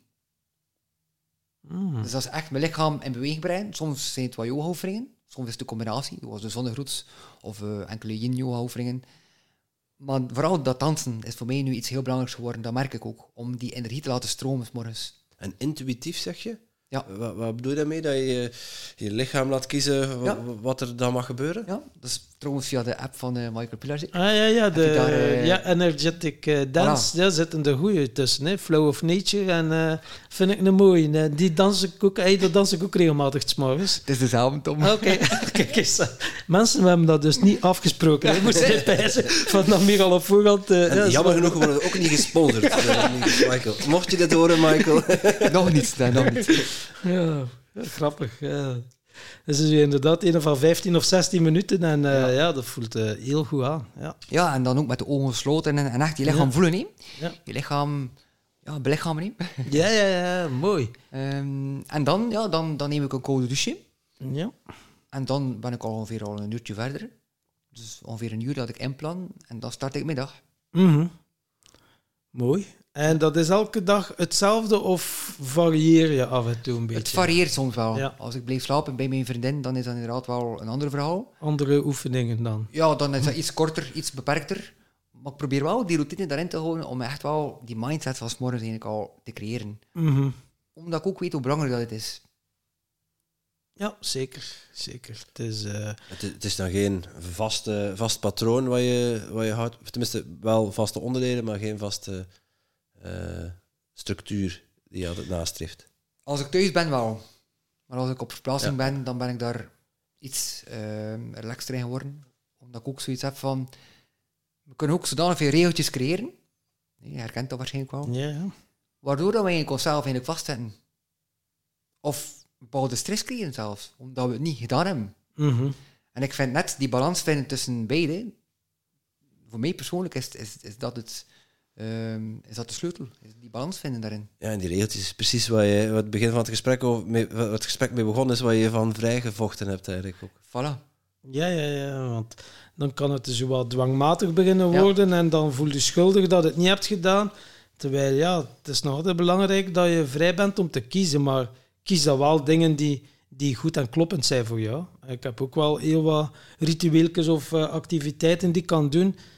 Ja, koud douchen is wel standaard, maar de rest is ook wel in te vullen. Het is niet dat ik elke dag eh, intuïtief dans, maar ja, dat, dan kan het soms een keer een bastrika ademhaling zijn, of dan eens een keer dat of dat, wat dat mijn lichaam of wat dat ik dan zin in heb. En eh, ik merk op dat mij dat ja, vrijheid geeft en dat ik dan toch dingen doe die op dat moment juist en kloppend voor mij zijn. Idem. Ja. Ja. En niet schuldig voelen als je een keer in je bed wil blijven liggen ook. Voilà. Ja. Ja, ook al. Ja. Dan gaat het vaak mis. Hè. En dan, dan denk je dan oei oei. En dan, oh mijn, ik had net een, eh, een reeks van meditaties en eh, ik- had het al 21 dagen volgehouden. En dacht, ja, nu stop ik ermee. Zeg. Ja. Maar als je een keer een dag overslaat, kun je gewoon de volgende dag weer opnieuw beginnen. Hè. Nu dat we het toch over hebben, eh heb je gelijk hoor. Ik, vind dat, ik sta er zeker achter. Maar ik had het er langs ook over met iemand. Is eigenlijk, eh, eigenlijk zijn het allemaal maar methodieken. Hè? En we kunnen slaaf worden ook van onze methodieken. En dat vind ik wel We heel kunnen belangrijk. slaaf worden van onze methodieken. Ja, van onze, je, van onze ja, tools. ja, hè. ja. Ja, dat is, eh, dus ik denk wel dat het gewoon moet fijn aanvoelen waar je zin in hebt. Als je zin hebt om te mediteren, medite- mediteer dan niet om in een verlichte staat te komen, maar gewoon omdat je de benefit ervan weet of omdat je er zin in hebt. Als je koud douche neemt, doe het niet om, om, eh, om er maar bij te horen, maar weet waarom dat je koud douche neemt. Ja. En dat is om je immuunsysteem te boosten. Ja, en Juist. dan het systeem te boe- ja. Ja, ja. Dus ja en, niet, en niet omdat andere mensen het doen. Hè. voilà, Dat je weet waarom dat je, ja, dat je weet waarom dat je iets doet. Ja, wat ik had ook zo'n app van zo routinehandelingen om dat dan elke dag te doen. En als je het dan een keer niet doet, moet je precies opnieuw beginnen. Hè? Dan is de ketting doorbroken of zo. Maar nu heb ik het omgedraaid en vind ik het juist krachtig dat ik zo twee maanden dat al gedaan heb. En zo van, fuck it, nu vandaag ga ik het een keer bewust niet doen zie. Wat dat, dat doet met mijn systeem. En dan zo, oh yes, maat. Dat Gewoon- vinkje zetten bedoelde dan. ja, dat vinkje zetten en het gewoon niet doen, bewust niet doen. En dat je systeem zegt, allee, je gaat die ketting, dat is dan zo het presteren. Hè? Zo van, allee, nu gaat je ketting doorbroken zijn. Yes, nu gaat mijn ketting doorbroken zijn. Jammer, jammer, er- jammer, jammer, ja, jammer. en ik ben er trots op, ook in mezelf en bewust. En dan weer opnieuw beginnen. Terwijl dat ik vroeger de strever was, wow, al 200 dagen. Oh nee, ik moet, ik moet, ik moet. En eh, ja, dat is voor mij wel vrijheid. Ja, Ja, ik, ik voor mij ook. Tom. ja, ja, ja dat ook, is ja. wel... eh, Stijn, ik hoorde jou net zeggen van als ik bij mijn vriendin blijf slapen, dan, eh, dan heb ik eh, minder behoefte aan mijn routine. Eh, jullie wonen dan apart, of hoe moet ik dat zien? Heb je een latrelatie? Of? Het is niet echt een latrelatie, maar het is, het is met mijn tweelingziel dat ik samen ben. Ja. Dus waar dat Tom heel goed kan over meepraten. Ja, ja. Het is geen gemakkelijke relatie. En eh, wij hebben samen gewoond, maar ik heb terug een stapje moeten eh, nemen voor, eh, voor mezelf te kiezen. En ehm, dus we wonen nu alle twee ja, apart en, en kijken hoe dat alles verder evolueert. Het is wel een heel leerrijke relatie en de liefde is ook wel heel sterk. Het is echt wel een heel krachtige relatie. Ja. Ja, het is ergens normaal ook. Je zit op een andere omgeving, dus je kunt niet echt hetzelfde doen ook op dat moment. Allee, het is anders. De ruimte is ook beperkter en, en ja, kinderen ook die ook een rol spelen. Dus ehm, ik zeg altijd, ja, de omgeving speelt ook al een, grote rol om dingen te kunnen doen. Ja. Als je de ruimte hebt, kan je al een keer meer intuïtief naar je armen smijten en je benen smijten. Ja, ja, ja, maar dat is... Dus, ehm, en dan is het ook wel zoiets van, voor mij is het ook niet nodig ook om een uur nu eigenlijk te gaan besteden om voor mezelf. Mhm. Dan besteed ik dan liever een uurtje met een ontbijt, een lekker ontbijt samen of, of, of wat knuffelen. Of dan daar een uur te gaan moeten mediteren of, of dingen te moeten doen. Ja. En dan wil ik ook wel mijn tijd spenderen ook met haar. Ook belangrijk weer die, die variatie, om niet weer in, die, in, dat, in een vast stramien te zitten. En, eh, maar ik hoor je wel zeggen dat je dan ook heel duidelijk aanvoelt, dat zijn mijn grenzen. En eh, je grenzen aangeven. En eh, ja, veel luisteraars denken nu, "Pfoe, grenzen aangeven. Ja, eh, heb jij zo tips? Hoe doe jij dat, eh, grenzen aangeven? Wel, als je weet wat er jouw energie geeft en wat niet, dan weet je van, kijk, voor mij is, is het nu genoeg. Als je voelt dat het energie steelt, dan weet je al dat is een bepaalde grens. Mhm. Dus aanvoelen, aanvoelen van, kijk, wat heeft er nu mee energie en wat niet. En als je weet ook dat, dat het ehm, zo blijft doorgaan, ja, dan weet je dat je over je grens zal gaan. Waardoor dat je een gevolg ervan zal hebben. Ja, want ik heb echt wel geleerd, grenzen, dat heeft voor mij lang een item geweest. Ja, en dat ik het wel wist met mijn mind, ja, ja, ik moet mijn grenzen aangeven. Maar als je niet in verbinding bent met jezelf, weet je gewoon niet waar je grens ligt. Het is pas dat het te laat is dat je zegt dat je niet anders kunt. Van, wow, nu ben ik te ver gegaan. Maar dan nog weet ik niet moment, wist ik niet het moment van, oh, stop hier, niet verder. En om daar te gaan vertrouwen op je lichaam, wat dat je lichaam aangeeft, dat is ook wel eh, een dingetje, om het op zijn Nederlands te zeggen. Eh, hoe was dat bij jou? Makkelijk van in het begin, zo te zeggen, oh, hier, stop, niet verder. En eh, echt wel te gaan kiezen voor jezelf? Nee, totaal niet. Ehm, want dat is nu ook mijn grootste les geweest. Is eigenlijk dat, dat ik te ver laten komen heb. Om dan eigenlijk dan het stapje terug te nemen. Om voor mezelf terug te kiezen. Maar ook aan de andere kant. Ook hetzelfde bij haar. Die heeft ook eh, te veel energie gestoken. Dus snap je? Dus we hebben alle twee die les geleerd eigenlijk om, om voor onszelf te kiezen. En dat is een heel mooie les eigenlijk. Dat is echt een heel mooie les. Want ik dacht dat ik al eh, perfect mijn grenzen kon stellen ervoor. En, en ik dacht dat, dat ik er al was. Maar uiteindelijk kom je dan ja, terug een nieuwe les tegen in het leven. En, uh, Ja. Ja, ik denk dat dat een, een lifelong learning is, grenzen stellen. Ik, bedoel, ik ben er ook tegenaan gelopen. eh, tegen mezelf, mezelf tegengekomen, tegen het canvas gegaan en dan eh eh, probeer je jezelf opnieuw uit te vinden. Dan denk ik, oké, ja, nu heb ik het inzicht, nu ga ik mijn grenzen stellen. Dat lukt dan aardig. Maar dan toch komt er af en toe zo een valkuil voorbij, waar je nog eens in, struikelt. En dan eh, heb je weer de kans om het nog een keer opnieuw te doen en, beter te doen. Ik vind het wel ik vind het knap ook dat je, dat je zegt van eh, de, relatie, ik voel, dat er, ik, ik, voel dat er liefde is, maar ik ga toch voor mezelf kiezen. En dan eh, apart, maar toch samen te zijn. Zodat je, dat je daar dan die grenzen aangeeft. Ja, heel krachtig. Ja, dat is, dat zeker, maar dat was niet, dat was niet evident om dat kunnen doen. Ook omdat je dan ook de pijn voelt van de andere kant, en ook je, je eigen pijn ook. Eh, dus grenzen aangeven is ook vaak pijn lijden. hè. Ja. En nee zeggen is soms eh, ja, sterker of ja zeggen. hè. Je weet dat je die ander gaat kwetsen en eh, dan heb je zoiets van, "Nou, ik wil die eigenlijk niet kwetsen. En dan denkt je, oké, ik zal het maar niet zeggen, maar ja, dan kwetst u zelf. En dan eh doe de roofbouw op jezelf. Ja, als je ja zegt tegen een ander, zeg je nee tegen jezelf. Ja, voilà. Ik heb eh, een belofte gemaakt. Eigenlijk, dat is iets dat ik mezelf eigenlijk eh, heb beloofd. Eigenlijk om, eh, om mezelf altijd op de eerste plaats te zetten. mhm. Altijd. En, veel mensen doen dat niet. Omdat ze denken van ja, je moet er altijd eerst voor zorgen. Ehm bijvoorbeeld met een kind, ik heb er een heel mooi voorbeeld van. Op het vliegtuig, als de mondmaskertjes eigenlijk eh, bij een, eh, allee, bij een turbulentie eigenlijk naar beneden Ja. komen, dan is het altijd eerst de bedoeling dat je zelf zuurstof geeft en dan de persoon naast je. Dus, en zo Hm. bekijk ik dat ook in het leven. Dus geef jezelf je zuurstof en dan kan je ook andere mensen zuurstof geven. En wel, Stijn, nu vind ik een, een fucking groot egoïst zijn. Zouden veel mensen denken. hè? Dat is zo, dat is zo. En ik heb het ook mogen horen vroeger. Ja. Ook van familieleden en zo. En, en van andere mensen. En nu zeker nu ook, want... allee, om nu te maar te zeggen, het is een vrijgezellenweekend nu van mijn broer nu. Hij trouwt binnenkort. En ik heb ergens ook voor mezelf gekozen. Ook waarom? Ik heb nu mijn volle energie nodig eigenlijk om, om te gebruiken waarmee ik nu bezig ben. En ik weet, als ik zo'n weekend meega, dan, dan ga ik terug de helft van mijn energie terug verliezen. Dus ik heb moeten nee zeggen, ondanks dat er ook wel heel veel input kwam van buitenaf. Van Stijn, je had dat toch niet doen, en het is je broer en dit en dat. En hier heb ik ook terug moeten voor mezelf kiezen. Ja, heel belangrijk. Hè. Tom en ik hebben een, een route over opgenomen met z'n tweeën. Route 122.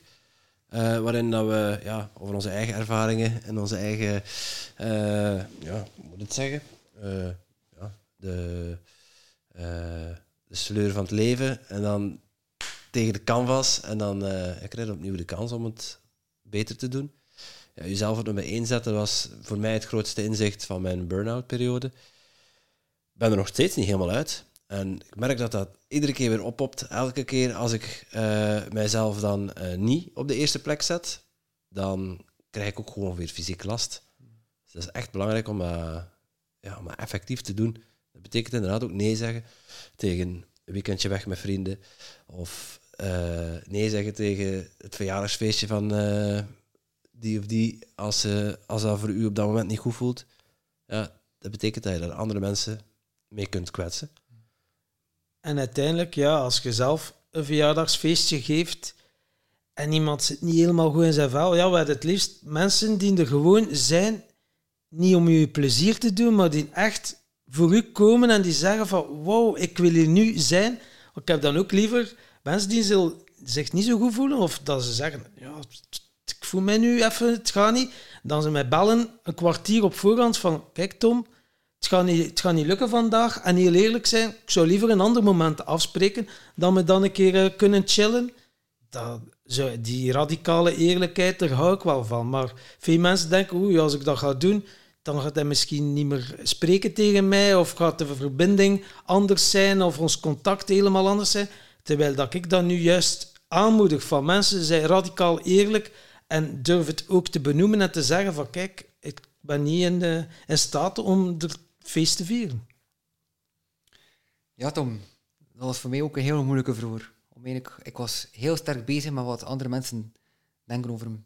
Dat was voor mij echt heel belangrijk. Ja, maar eh, het zit hier nog één. En ik denk voor veel mensen... Dat is niet ik dat al eh, van mijn beginjaar We zijn maar met drie, ik wil zeggen kwartet. Ja. En ik denk heel veel mensen die, die de podcast beluisteren of die, ja, die gaan zichzelf wel hierin herkennen, dat dat inderdaad wel een valkuil is. Dat eh, Ja, ja, want je denkt van, wow, als ik er niet ben, ja, hoe, gaat die ander nu niet denken aan mij? Die gaat, het gaat, onze band gaat niet met hetzelfde zijn, dat dat juist nu de sterkte is. Omdat je heel eerlijk bent Ja. naar die mensen toe van, en het vooral ook niet persoonlijk opvatten van, ja, tuurlijk, ik ga iedereen door eh, uitdagende momenten en heftige momenten, zeker de tijd van nu. En als ik zo zie, eh, de wakkeren en misschien de niet-wakkeren ook, maar vooral wakkeren, omdat dat nu mijn omgeving is, de wakkeren, die gaan door heel heftige processen, man. En eh, ja, dan heb je niet altijd zin om dingen te gaan doen. En is het wel nodig om bij jezelf te blijven en, en naar binnen te gaan en, ja, figuurlijk dan naar binnen te keren en eh, te gaan reflecteren van wat zit hier, wat, wat mag ik nu aankijken? En eh, ja, ik zou dat de luisteraars ook willen meegeven van wees eerlijk naar jezelf toe, wees vooral trouw naar jezelf en mild, mild maar meedogenloos. En als je voelt dat een verbinding niet echt juist of kloppend is, gaat er met mes in en snijdt energetisch ook volledig door van "Oeh, hier stopt het. Eh, het is niet meer goed en kloppend voor mij. En zet jezelf op de eerste plaats. En door dat ook te beginnen toepassen, zie ik ook wat dat het allemaal oplevert. Door van iets afscheid te nemen, kunnen er nieuwe dingen ontstaan. Maar het is niet, als je van iets afscheid neemt, dan ontstaat er een leegte. Maar dat is niet dat die leegte direct wordt opgevuld met iets goeds. Nee, je gaat die, fucking leegte mogen ervaren en mogen voelen. En dat doet heel veel pijn. Het is niet dat er direct iets leuks in de plaats komt. Maar als je daar kunt bijblijven, dan komen er ineens weer mooie dingen. En eh, ja, dat is wel iets dat nu eh, de laatste paar weken dat ik echt aan de lijf heb mogen ondervinden. En eh, ja, dankbaar voor ook. Ja.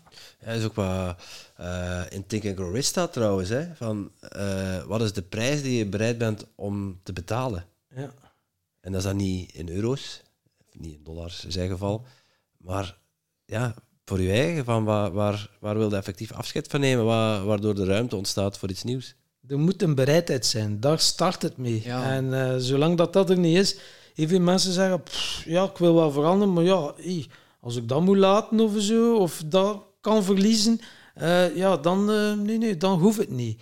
Maar eh, dat doet heel veel pijn, hè, veranderen, die groeipijnen. En eh, ja, toen mij eraan denken van... eh, normaal gezien beginnen we onze podcast met de vraag van de vorige gast. En ik meen me te herinneren dat dat er zoiets mee te maken had. Dus eh, ik ga zien een keer... eh, Denk ik ook. ja. ja, wat is de grootste struggle die je hebt tegengekomen de laatste tien jaar en hoe heb jij dat opgelost? De moeilijkste struggle. Of de grootste, of de moeilijkste, of de uitdagendste? Of, eh, Ja, ik vind dat een... eh, mag ik eventjes meteen nemen om daarover Zeker, te gaan? zeker. eh. Eh, ga maar gaan voelen, jongen.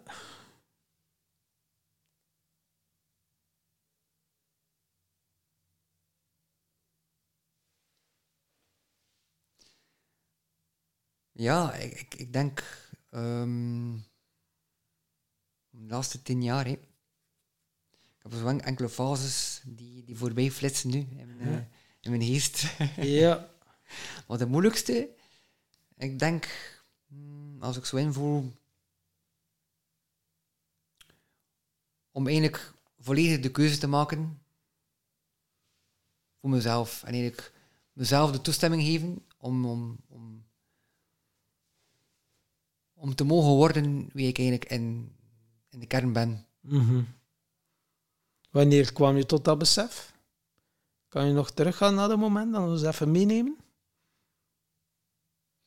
Hmm. Dat was eigenlijk ehm, de periode dat ik alleen woonde. Ik denk een viertal jaar geleden. Ja, dan heb ik eigenlijk een uh, na de relatie met mijn ex-vriendin. Dan ben ik naar India alleen komen te staan. En daar heb ik twee jaar eigenlijk alleen gewoond ook. Daar ben ik echt geconfronteerd geweest met alle innerlijke demonen en, en alles die eigenlijk ja, op dat moment ook eh, nodig was om, om te verwerken. Ja, dat zou dat moment geweest zijn. Om ook alles alleen te doen. Eigenlijk echt wel dan puur zelfstandig te worden ook. Die keuze te maken. En dan eh, niet dat je systeem wat iets had van oké, ik vlucht in een andere relatie of ik, vlucht, of ik ga mij aan de drugs of de alcohol. Of, eh, nee, echt wel bij je alleen, bij u, ja, gewoon alleen zitten en niet uren op uw telefoon zitten of eh, Netflixen of... eh, nee, Nee, ik had geen televisie zelfs. oké. Dat was gewoon puur eigenlijk... eh, Wauw. Ja, dat was echt kiezen nu van, kijk, nu ga ik echt wel de Tour omslaan. En ik was ook de belofte al- dat ik aan mezelf gemaakt had, voordat ik naar India vertrok, van kijk, als ik terugkom van India, dan wil ik 100% commitment geven aan mezelf. Om mijn doel, om mijn, ja, om mijn salesmissie hier op aarde uit te voeren. Mhm. Ja, je was echt wel met een bepaalde intentie vertrokken naar Ja. India. Ja, hé, dus eh, we hebben daar een yoga-opleiding gevolgd en ook een, eh, een Ayurvedische opleiding. Dus, en da- daar ook nog wat rondgetrokken ook en wat ervaring op gedaan. En dat was ook zo, als ik terugkwam, dan hebben we ook direct de stappen ondernomen om, om zelfstandig te worden, om yogales te beginnen geven, om de dingen toe te passen. Ja, dat ik op dat moment ook kon, kon, eh, kon andere mensen mee helpen. Hè. Mhm. Wauw. En er is een andere Stijn teruggekomen uit India? Ja, toch wel, ja. Dat was heel confronterend. Ik, eh, de tranen barsten ook los. En zelfs de eerste nacht ehm waren geland in Delhi, dat is de hoofdstad van India. En ehm, we waren om vier uur morgens geland. Dus eigenlijk al een zware reis achter de rug, ja. Het, het, uren vliegen, eh, de luchthaven, vervoer en zo. En dan, ehm, dan zou er eigenlijk ons iemand komen ophalen aan de luchthaven. Naar ons hotel. Maar dat was niet het geval. Dat was via een vriendin van ons geregeld. Maar dat was niet het geval. Wij konden die persoon niet meer bereiken. En we hebben dan een taxi genomen, eigenlijk een lokale taxi. Mm. Ja, heel gevaarlijk dus, blijkbaar. Spannend. Ja, nogthans geregistreerd allemaal. Hè. Dus Ja, ja. schreven ons adres op, up, alles op en eraan. Ja. En dan uiteindelijk, na een half uur, een uur, dan, dan begon die persoon eigenlijk tijdens de weg eigenlijk ons heel de tijd bang te maken van ja, je gaat naar een buurt die eigenlijk niet, niet veilig is en zo. En, en dat bestaat niet, dat hotel. Dus nee, continu een andere weg laten volgen. Ja, ja, ja. En eigenlijk nadien, ja, dan, dan kregen we te horen dat dat, dat, dat er, eh, ergens in India vaak voorkomt. Dat ze mensen eigenlijk omleiden en zo geld aftrommelen en, en ergens een beetje ontvoeren om toch maar geld te Ja, krijgen. ja. En naar een duurder hotel sturen en zo, om die commissie te ontvangen. Ja, ja, ja, ja. Dus dat was wel eventjes wel eh, heel confronterend. Ook omdat je dan denkt van ja, het is hier hè. Ja, je loopt met twee, met twee zware rugzakken, met een camera, met, met wat cash geld en zo. En komt er in buurten dat je zegt van ja, dat is hier gewoon... Dat gaat hier stoppen, hè. Ja, dat Ja, is, ja, ja. ja, organenhandel of zo, allemaal dingen die... En daar is me dan wel voor de eerste keer terug heel serieus afgegaan. Dus eh, het gevaar was echt allemaal... Het gevaar was ook reëel op dat moment, vond ik. Omdat het kon ook zo zijn, hè, ja. Het voelde ook zo aan, hè. Ja, ja. Ehm, dus dat vond ik ook wel een terechte reactie dat mijn systeem begon te reageren. En dan, dat zei ik tegen, eh, tegen, tegen mijn vriendin op dat moment van, kijk, we zijn terug naar België. dus wij zijn, wij zijn echt te voet teruggegaan naar, naar de luchthaven. Eh, Echt wel met de gedachte je, van... mocht, je mocht wel uitstappen van de taxi. We zijn gewoon uitgesprongen. We zijn er gewoon Ja, uit- ja, je was, je was al zo een kort en ik zei tegen, ik zei tegen elke van, kijk, nu eruit nu, kom. Ja. Ze waren allemaal te kijken en zo van, ja, wat ga je nu doen allemaal? En, en ik dacht van, ja, ze gaan hier onze, ons beroven, niet, of overvallen. Ja, ja. Maar dat hebben ze niet gedaan. En dan heeft er onderweg heeft er nog een andere tuk-tuk, een andere driver. Dat zijn dan zo van die, eh, van die je kent dat wel, zo'n tuk-tuk. Ja. Eh, zo'n scooter- cycles, Van die ja. scootertjes met, scootertjes je met een-. Ja, ja. met een 150 pk op. En ehm, die persoon, ja, ik ben eerlijk, ik ben te vertrouwen. Ik ga mijn paspoort geven aan jou, eh, zodat je iets hebt in handen. En dan heb ik zoiets van, het enige dat je op dat moment wilt, is slaap. Dat is het enige dat je wilt, want je zit gewoon back af, Ja. moe. En dan hebben we toch de beslissing genomen om mee te gaan met die, met die eh, tuk-tuk. En dan heeft hij, heeft hij ons uiteindelijk naar een hotel gevoerd. Zijn we toegekomen, we hebben drie dubbel betaald, of dat we eigenlijk moesten betalen. Maar ja, dus dat was ook alweer terug in het zak gezet. En dan komen we in die hotelkamer en die hotelkamer was heel vuil. Het was echt, er hangde daar aan de muur allemaal. Allee, voor dat ik het nu op, die manier zeg, maar het echt, dat was echt heel, heel nest, ja. Echt veel nest. Dus ja, maar op dat moment interesseerde we dat niet meer. Leg je op bed en slaap je onmiddellijk. En wat gebeurt er? Na een uur begon er daar een fanfare te spelen. Een heel grote fanfare. Blijkbaar terug een festival. In India is dat, is dat gekend. Daar heb je om het uur een festival. En dat was dus zo. Dus dat was echt zo van, shit, waar ben ik hier terecht gekomen? Maar ik moet wel zeggen, nadien is het allemaal wel vlotter Ja, binnen verlopen. ja, hebben we mensen leren kennen. dat, is een heel, dat is een heel slechte open, heel slechte ervaring. Ja. Amai, ja. En dan uiteindelijk is alles begin ja, vlotter lopen, begin die mensen te leren kennen, eh, kom in die ashram terecht. Ehm, en begin je ook al een beetje de mentaliteit te kennen ook van India. Ja. Dat je ook weet van, oké, daar... Ja, eh, als, ik, als ik daar te ja. dicht, te dichtbij in de buurt kom, word ik in het zak gezet. ja, inderdaad. Ja. Maar ergens is het ook eh, een stukje je vertrouwen geven. Ja, Dat, is, dat was een beetje het probleem ook. Allee, mijn vriendin en ik waren toen op dat moment, wij waren alle twee mensen die, ja, die dat vertrouwen ook hadden aan mensen. Maar in Ja, India... maar het in wordt misbruikt door Het sommige wordt mensen. misbruikt, voilà. En zeker in India staat er voor gekend. Ja, het enige dat ze willen is, is, is commissie. Ja, ja, ja, ja. ja, Het is zo, eigenlijk, moet je, eigenlijk moet je, als je instapt, vragen wat is uw, wat is uw commissie? Hier het dubbele en nu normaal doen. Ja, Ja, ja. zo, als het zo makkelijk was, dan... eh, nee, nee. Maar het is inderdaad wel zo, ja, of dat nu Thailand of India, maar ze lezen het op je gezicht. Tuurlijk. Of dat het nog maar als het de eerste keer is dat het daar geweest hebt. De tweede keer, eh, ja, het wel al door. Hè, en ze proberen en dan, oh ja, ik ga u dat laten zien. En dan rijden ze langs een bevriende winkelier en om je daar iets te laten kopen. En ja, het is al die trucken eh, van de voor uiteindelijk. En eh, dat is wel grappig om den duur. Om die vond ik het wel grappig om te zien hoe dan ze dat toch, ah, hoe creatief dan ze ook zijn. Enorm. En ja, in Gambia was het ook eens iets met een boom of zo. En dan, het was een betoverende boom in Gambia. Eh, die, die, die gast, die kunt natuurlijk uitleggen. En die had dan zo een boekje. En ja, je kost dan een, een, een vrije bijdrage geven, omdat dan toch... Maar de cleveren had al al zo wat bedragen opgeschreven, zo gezegd, van vorige toeristen. Maar dat waren al serieuze bedragen. Weet je, hij had dat allemaal zelf opgeschreven. Natuurlijk, hij ziet, amai, zoveel wordt er ongeveer gemiddeld gegeven. En dat was echt. Maar ik had er hem erachter mee geconfronteerd. Ik zei, dat is wel gemakkelijk om het eens zelf op te schrijven. Zo serieus, ja, ik zeg, ja, mat. En eh, ja, ja, ja, ja, maar ja, ik moet ook, moet ook leven. Ik zeg, ja, dat geloof ik. Dus echt wel hoe, dat ze, hoe inventief dat ze ook zijn. Hè? Ja, dat is wel... eh. Maar dan, hoe lang ben je dan geweest in eh, India? Dat was ongeveer een, een drie maanden, half, vier maanden. Ja. Oké, wauw. Eventjes wel de overbrugging gemaakt in Nepal, omdat onze visum was te einde. Daar hebben we twee weken in Nepal eventjes ehm, vertoefd en dan zijn we teruggekeerd naar India om dan nog een opleiding te volgen. Ah ja. En dan was het de bedoeling om daar langere tijd te blijven? Of was dat zo op voorhand gepland, we blijven drie maanden en een half? Nee, er was niks gepland. Oké. Dus, eh, maar ik merkte wel dat, ik, eh, dat mijn gezondheid begon ehm, achteruit te gaan. Ik merkte dat ik voelde dat ook aan de, ook het eetpatroon. Dus de levensstijl in India is ook heel anders. Of dat ik gewend was. Heel veel koolhydraten.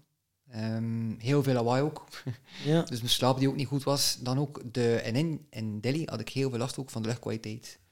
Mm. Dus de luchtkwaliteit, ik voelde me gewoon letterlijk zieker worden. Echt, mijn lichaam begon zwakker te worden. Ehm, ja, je zou dan toch denken van Ayurveda is toch wel heel gezond en al? maar dat is het hem net. In India, 95% van de bevolking is ongezond. Ja. Het is maar een 5% die, die eigenlijk eh, uitvoert wat ze leren. Mhm. Ja, dat is echt zo. Ik heb er echt van verscholen. Ik dacht van India is zo'n gezond land. Maar als je dan eigenlijk buiten de ashram komt, of buiten bepaalde plaatsen waarbij dat ze bezig zijn met gezonde voeding, of met Ayurveda, ja, dan merk je gewoon dat die mensen roken daar, die mensen drinken. Ehm, ze hebben ook geen, geen, geen levensdoel. Die, die, die lopen daar gewoon rond eigenlijk, zonder Ja. doel. Die leven in het moment. Ja. Ja, toch? ja, die leven inderdaad in een moment. Inderdaad, in een moment, maar zonder, zonder, ehm, zonder doel. Doelloos. Ja. Onbe- onbewust ook misschien. Onbe- ja. ja. Ja. We Ja. zien wel. eh, Is, is, het, is het in India ook niet zo dat... Is het met, die, met dat kassensysteem dat je, dat je daarin zit voor de rest van het leven en dat je daar mee te dealen hebt? Dat is inderdaad zo. Ik heb, eh, ik heb er een heel mooie ervaring van. We bleven overnachten bij de... Dat was bij onze teacher, die ons les gaf. Eigenlijk was hij de, de baas eigenlijk van het centrum. En wij bleven bij hem overnachten. En ik was een wandeling gaan maken in de buurt. En ik zag daar een kindje, eigenlijk... eh, ja, een handicap kindje. Ze kon niet meer goed wandelen en ze was aan het roepen naar mij. En ik ging naar dat kindje en, die, die papa kwam naar mij. En eh, die zei van, ja, zegt hij... en op het Engels zegt je moet daar niet, niet te veel naartoe kijken. Het is haar eigen schuld. Ja, en die kwam eventjes wel binnen. en, ehm, en dan wist ik ook van die persoon, dus van eh, waar dat we bleven overnachten, dat hij het geld had eigenlijk om, om die operatie uit te voeren, zodat ze terug kon normaal worden. Maar je wou het niet doen. Het is haar eigen schuld. Wauw. Heftig, hè? Dat is heel Ja, heftig. Die kon wel binnen ook. Ja, die kwam binnen. Ja, echt waar. Ik geloof de, traan, de traan kwam in mijn ogen van, wow. Ja, ja en, en gelijkaardige ervaringen, waardoor dat je dan eigenlijk sterker terugkomt. Hè. Ik, ik had het gevoel, als ik terugkom van India, van, nu gaat er hiermee niks meer tegen de rond kwakken. Mhm. ja, ja. Dus Dus het is doodgaan of, of gewoon, eh, of hier meegaan met de, met de massa. Hè. Doodgaan of doorgaan, het is een Voilà. verschil. Ja. Ja. Ja, En dus eh, dat is een jaar of vier geleden. Dan ben je teruggekomen en dan eh, relatie gedaan. Dan twee jaar bij jezelf. Dus eh, ja, dan komt er wel heel wat naar de oppervlakte, denk ik. En, ja, dan, dan, dan, komt er, eh, ja, dan komt alles eigenlijk naar de oppervlakte. Ja, Ook omdat ik vooral ook eh, ergens op de buiten woonde ook. En ik had ook geen televisie. Ik was vooral ook bezig op, op, ja, op persoonlijke groei en ook die heling ook, die persoonlijke Ja. heling. Dus er zijn ook wel heel wat traantjes ook gevallen en, en, en pijnen gevoeld. Maar ik heb die echt bewust doorgevoeld. Omdat ik ook mooi. weet van, dit is nodig om, om, om te gaan komen waar ik wil komen. ja. En eh, nu zijn we vier jaar verder en eh we is er ondertussen allemaal al in beweging gekomen. Dus ik hoorde jou zeggen, eh, dus als je terugkwam had je geen job dan, denk ik. hè? Je had dan waarschijnlijk een job stopgezet als je vertrok. In Boedo misschien verkocht, Ook. alles allemaal. En dan komt het terug. Oké, ik ga zelfstandig beginnen. Eh, ja, het is dan toch wel handig om een vangnet te hebben. Er moet toch eerst geld in het laadje komen. Hoe, Ja. regelde dat? Of, eh, Wel, ik kwam terug en ik mocht eventjes bij mijn, ehm, bij mijn papa wonen. Mijn stiefmama. Hm. Maar op een, of andere manier is dat niet gelukt. Ja, ik hoef dat ook niet in detail te Nee. zeggen ook. Tuurlijk. Maar eh dat stond ik eigenlijk op dat moment op straat. Dus Mhm. ik mocht dan bij mijn broer gaan wonen, die nu ondertussen overleden is. En dat was ook geen gezonde situatie om daar te wonen. Dus ik heb eigenlijk gewoon er blijven op vertrouwen. Van kijk Steen, had een bepaald doel. En ik wist van ik wil in de natuur wonen, in de natuur. En tegelijkertijd zelfstandig worden. Dus de zaak opstarten. Dus ik bleef erop vertrouwen. En ik moet wel zeggen, in die maand tijd dat ik bij mijn broer woonde, heb ik heel sterk gevisualiseerd. En daar heb ik gevisualiseerd dat ik eigenlijk in een mooi stukje natuur kon gaan wonen die betaalbaar was. En binnen de maand tijd kreeg ik telefoon van iemand, van een oude vriend, van Steen. eh, kom ik eraf, ik ga je helpen met je website en zo. En dan kwam ik terecht bij die persoon. En plotseling uit het niks, dus we waren bezig met de website. En plotseling uit het niks zei hij van, ah, we gaan er weer kijken naar de studio. En je opent, eh, je opent op internet. Hup, en binnen, de, binnen een paar minuten, binnen vijf minuten, zag ik daar een studio staan. Ik belde naartoe. En twee weken later woonde ik in die studio, in de natuur. Wauw, oké. Dus dat was voor mij ook terug een bevestiging, ook op dat moment van de wet van de aantrekking. Ja. Ja. Is op dat moment heel snel toegepast. Ja. En ik geloof ook wel heel sterk ook, dat we ook moeten klaar zijn ook voor een bepaalde fase te doorlopen in ons leven. Hm. Want ja, je krijgt ook wat je, wat je aan kan ook in. Ja. Dus, Klopt. En dat is meer Ja. dan we denken. en dat is meer als... Ik vind het wel sterk dat je dat op zo'n korte tijd eh, gemanifesteerd hebt. Door, door te visualiseren, door, eh, door dat te voelen en door daar ja, effectief mee bezig zijn, mee aan de slag te gaan. Heb je zo nog voorbeelden dat je eh, dingen voor jezelf gemanifesteerd hebt? de situatie nu met mijn, met mijn vriendin, door eigenlijk gewoon al een paar maanden terug te trekken, door tijd te steken en energie te steken in jezelf, heb ik al terug een, een auto kunnen kopen en terug ook al terug nieuwe, nieuwe mogelijkheden kunnen creëren. Heb ik ook terug mijn gezondheid terug kunnen opkrikken, terug een hoger energieniveau. Dus ja, manifesteren en, en doen is één. Ja. En ook beseffen dat je altijd een keuze hebt. Hè? Elk moment, elke seconde heb je een keuze. Voilà. Veel mensen verschieten daarvan, maar voor veel mensen is ja, een keuze staat gelijk aan iets verliezen. En dat, ja, daar moet je er ook de volle verantwoordelijkheid voor nemen. Maar veel mensen blijven liever in die comfortzone en durven geen keuzes te maken, omdat dat zogezegd de illusie van de zekerheid, Ja. dat dat dan veilig aanvoelt. Of kiezen voor de realiteit van de onzekerheid en ga je de keuze maken die voor jou goed en kloppend is. Maar dan ligt die uit je comfortzone ja, en dan gaan alle signalen af in je lichaam. Hè. Ja, en dan ga je mind excuses beginnen bedenken en verzinnen. Ja, dat is misschien toch en dat en dat en dat en dat kan gebeuren. En dan zei je, ah nee, ik ga niet kiezen en blijft in diezelfde cirkel. Ja, kiezen is verliezen, maar niet kiezen is ook kiezen. Want dan maakte de keuze om iemand anders een keuze te laten maken in Of het, plaats. ja, of het leven zal de keuze voor jou maken. En eh, zo simpel is het ook weer. Eh, ja, maar het is Maar- wel eh, boeiend. Ja. Aan iedere keuze hangen er twee dingen. Iets goeds en iets slechts.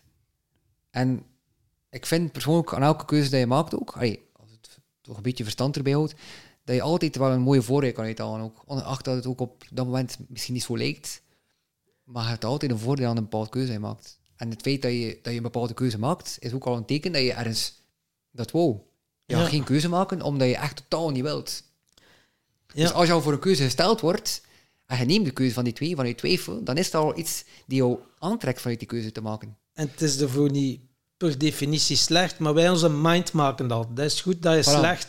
En je kunt ook zien, oh, dat is een groeikans, maar ja, er zit pijn op, of er zit iets op, en dan gaan we dat al snel labelen als, wow, dat is slecht, want eh, ik wil geen pijn voelen, ik wil geen verdriet voelen, maar het hoort erbij. Hoort erbij. Ja, en, en er zit ook een bepaalde energie in een keuze maken.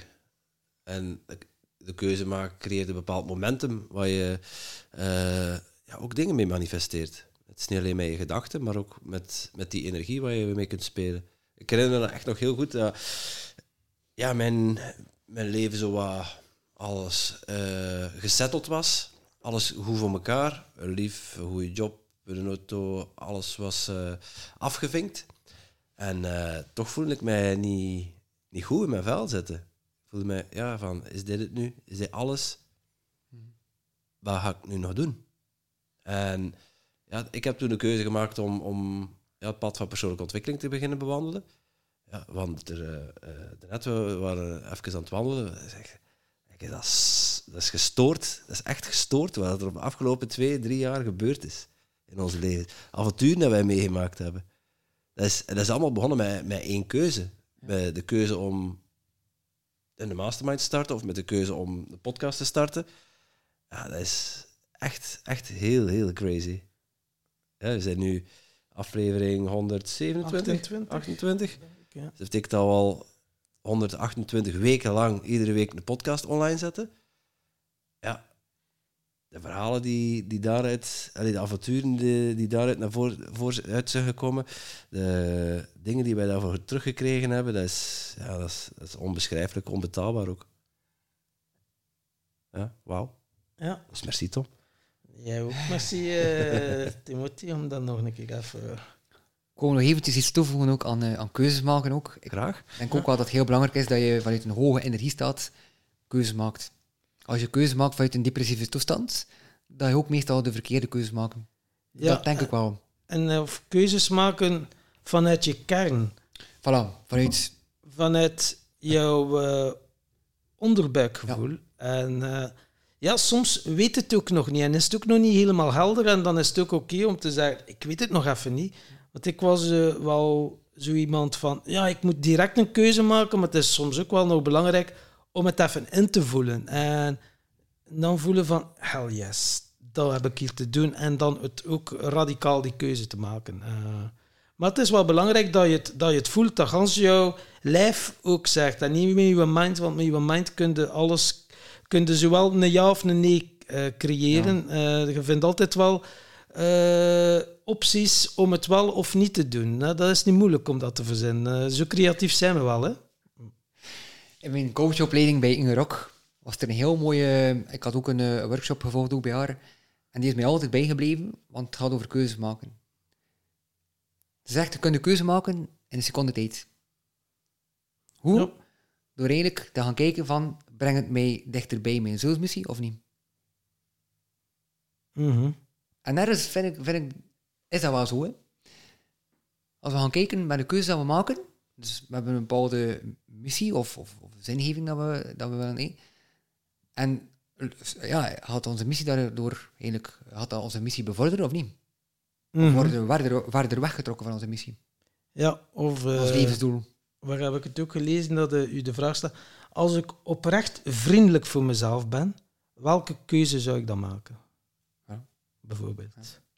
En dat zijn inderdaad wel eh, belangrijke dingen om het ook zo te laten binnenkomen. Van als je jezelf echt op de eerste plaats gaat zetten en 100% trouw bent aan jezelf, als je echt naar je gevoel gaat, welke keuze is nu juist en kloppend voor mij? Ja, ja.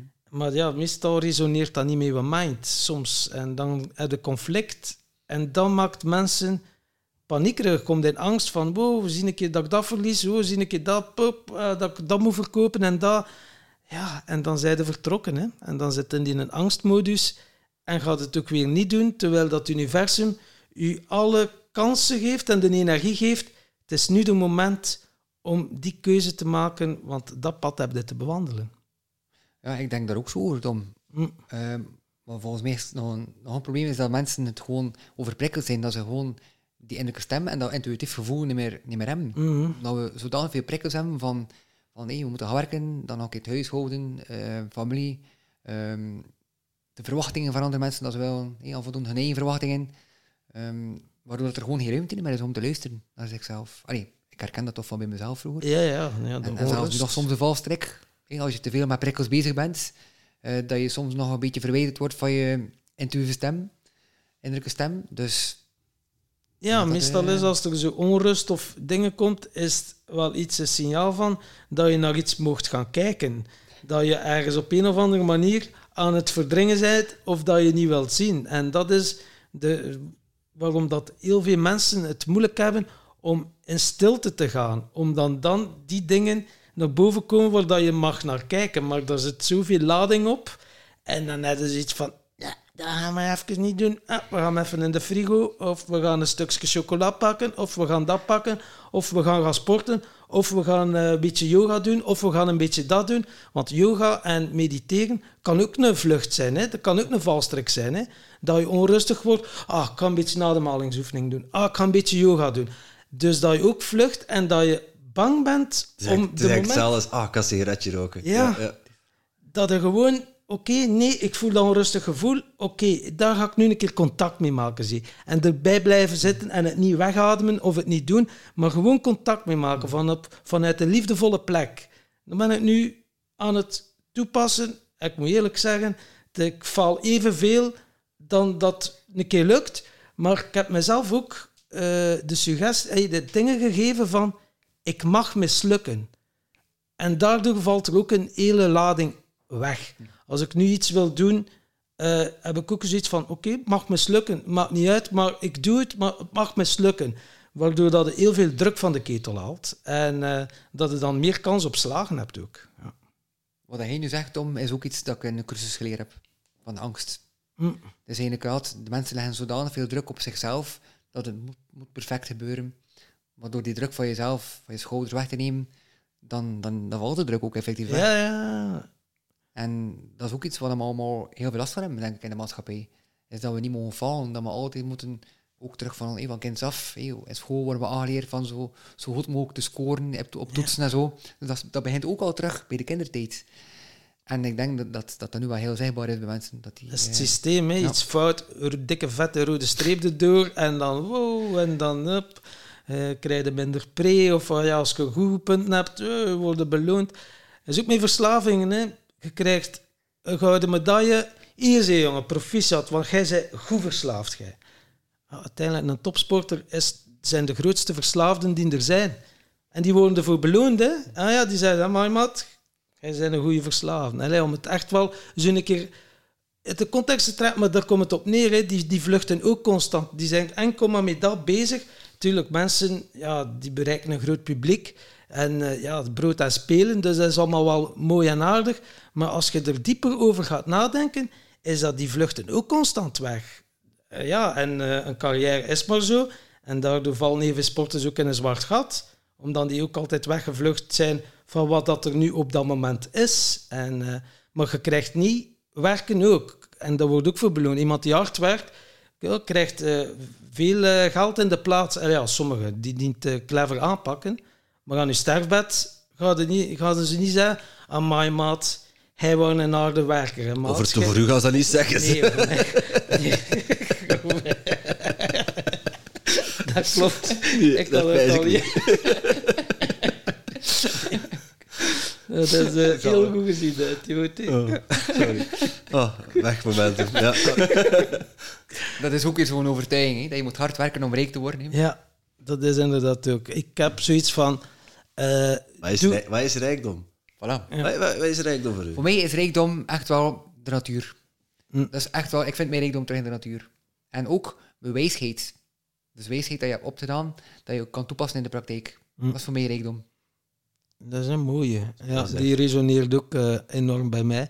En weet je, in het leven moet je hoegenaamd moet je gewoon niet werken. Doe gewoon de dingen die je leuk vindt. En dan voelt dat niet als werken aan. En als het niet meer leuk is, stopt het ermee. Net wie Selei zei dat, hè. zegt hij... "Pff, Ik zou niet weten, een burn-out, daar zou ik niet aan. Ze zegt, hè, wat ik het gewoon niet leuk vind, dan stop ik er gewoon mee. En doe ik iets anders dat ik wel leuk vind. Ja, natuurlijk kunnen nu niet...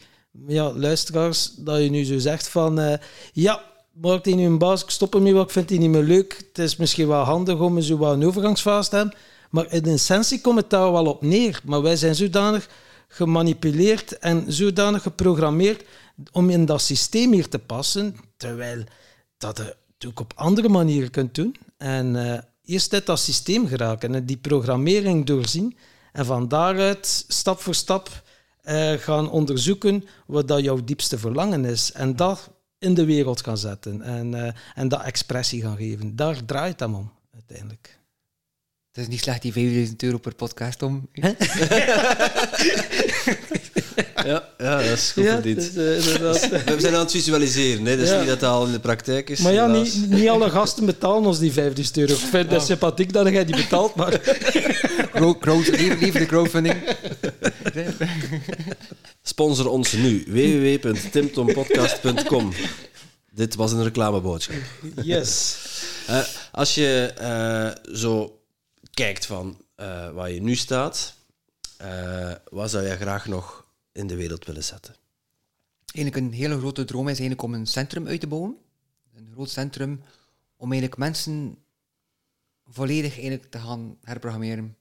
Herprogrammeren. Ja. Dus dat is, dat is eigenlijk wat dat Dr. Joe Dispenza ook doet, eigenlijk maar in een week dan. Want dan puur eigenlijk op, op, op de mind, door de visualisatie en door een emotie, dus door een emotioneel lichaam eigenlijk te laten veranderen. Maar ik zou dat willen combineren met eigenlijk met massage, klankheling, yoga, meditatie, gezonde voeding. Dat ze echt eigenlijk in een maand tijd ehm, ja, eigenlijk een volledig nieuwe persoon worden. Dus ook Nee. de, her, de herprogrammering. Een reset. Ja, resets. Echt wel dat al hun overtuigingen overgenomen worden. Dat je eigenlijk in een maand tijd echt dagelijks ja, een detox, zowel mentaal, fysiek en emotioneel. Denk je dat je dat op een maand kunt? Nee, Tom, nee, nee, nee, nee. Maar je kunt wel, in een maand tijd kan je wel heel veel doen, denk ik. Je kunt toch tenminste een aanzet geven. Je kunt de persoon detoxen en je kunt de persoon klaarstomen eigenlijk om de pad te laten bewandelen. Hm. Dat is een heel, heel, heel concreet antwoord eigenlijk. En, Tom, met die vraag, kan je het in een week tijd of een maand tijd? In het geval van Dr. Joe Dispenza zijn de mensen die heel zwaar ziek zijn, die in een weekend of in een week getransformeerd dat de ziekte zelfs niet meer vindbaar is in het lichaam. Dat klopt. Stage 3 kanker, 4 kanker, alle soorten auto-immuunziektes verdwijnen gewoon, hè. is niet meer terug te vinden. Ja, En dat vind ik boeiend. Intrigerend. dat is Intrigerend. Maar je zei het net ook, mensen bevrijden uit een mentale gevangenis. Hè. Dus als je mensen uit hun hoofd haalt en ze gaan kijken vanuit de kern en daar de dingen laten uitkomen, ja, daar zit het echte goud. Hè. Eh, dus uiteindelijk is het mensen uit die mentale gevangenis bevrijden en mensen uit hun hoofd halen. En ja, je hebt het ook mogen ervaren met de, de presence of de kracht van het nu, of hoe dat het ook mocht noemen. Eh, dat je daar vrij snel kunt eh, in dat moment zijn, in die, in die staat van, van puur bewustzijn. En als je in die rol van observator gaat kijken naar je programmeringen en naar je pijn en naar je verdriet, dat er heel veel mogelijk is. En daar hoef je niet maanden voor therapie te volgen. Het kan, hè, we hebben daar interventies gezien, dat je op 20 minuten dat je ongelooflijke dingen deed, hè, eh, waar dan mensen al enkele maanden tegen liepen uiteindelijk. Dus het hoeft ook allemaal zo niet ingewikkeld gemaakt te worden. Eh, het gaat er allemaal om, er moet bereidheid zijn. Voilà. Daar begint het mee. Ja. En het is dit soort mensen dat, ik- dat ik wil aantrekken. Ja. Mensen die eh, bereidwillig zijn om te veranderen. Je, je, je kan hier zodanig concreet op antwoorden op deze vraag die ik stelde. Eh, heel bijzonder. Ergens vermoed ik, ben je er ook wel heel erg hard mee bezig met die droom te verwezenlijken. Klopt dat? Ja. Eh, welke, welke, sta, welke fase zit je nu? Hm. Ik vind dat eh, een heel moeilijke, omdat eigenlijk, dat kan eigenlijk heel snel gaan. Ik kan volgende maand met iemand in contact komen die mij eigenlijk al die droom kan werkelijk laten maken. Dus eigenlijk kan ik daar geen antwoord op geven, want ja, dat kan... Tijd is ook voor mij een illusie, dus ja. En, en waar, komt, eh, waar komt het idee vandaan? Vooral ook om, om, om mensen terug in hun kracht te zetten, om de eigen regie te nemen over hun leven, naar een gelukkiger, vrijer en zonder leven. Vooral dit. Om die keuze te hebben, om, om die levensenergie, die vitaliteit terug te kunnen ervaren. Om vanuit die mentale gevangenis te komen en het leven als iets, iets wonderbaarlijks te kunnen ervaren. Want als je in die men- mentale gevangenis leeft, dan ervaar je dat niet het leven. Nee, Dan is alles donker. Heel veel mensen zitten in de wachtkamer van hun eigen leven. Ja, echt waar, Tom, echt waar, ja. Ja, dat klopt. En ik heb daar zelf ook geweest, dus ik weet heel goed hoe dat het voelt eigenlijk om, om eigenlijk onbeperkt te zijn. Mhm. Oh, onbeperkt, beperkt, sorry. Onbeperkt te zijn, ja. Onbeperkt door het leven te gaan, ja. Ja, ja, ja, ja. En dan moet je verdomd goed weten wat dat je wilt. En dan kan je enkel maar doen door geconnecteerd te zijn met jezelf. Van, ja, dat is de richting die ik uit wil. En het niet weten, oké, daar wil ik naartoe. Maar dan het loslaten en zo niet hebben van, ah, maar ik wil wel via dat pad daar geraken. Nee, dat zal het universum wel voor u doen. Eh, en de mensen en de situaties op je pad geven die je nodig hebt om die een droom of je levensmissie, of dat je het ook noemt, om dat te gaan verwezenlijken. En eh, dat, dat gaat zich ook gaandeweg ontvouwen. Eh, zo simpel is dan ook weer.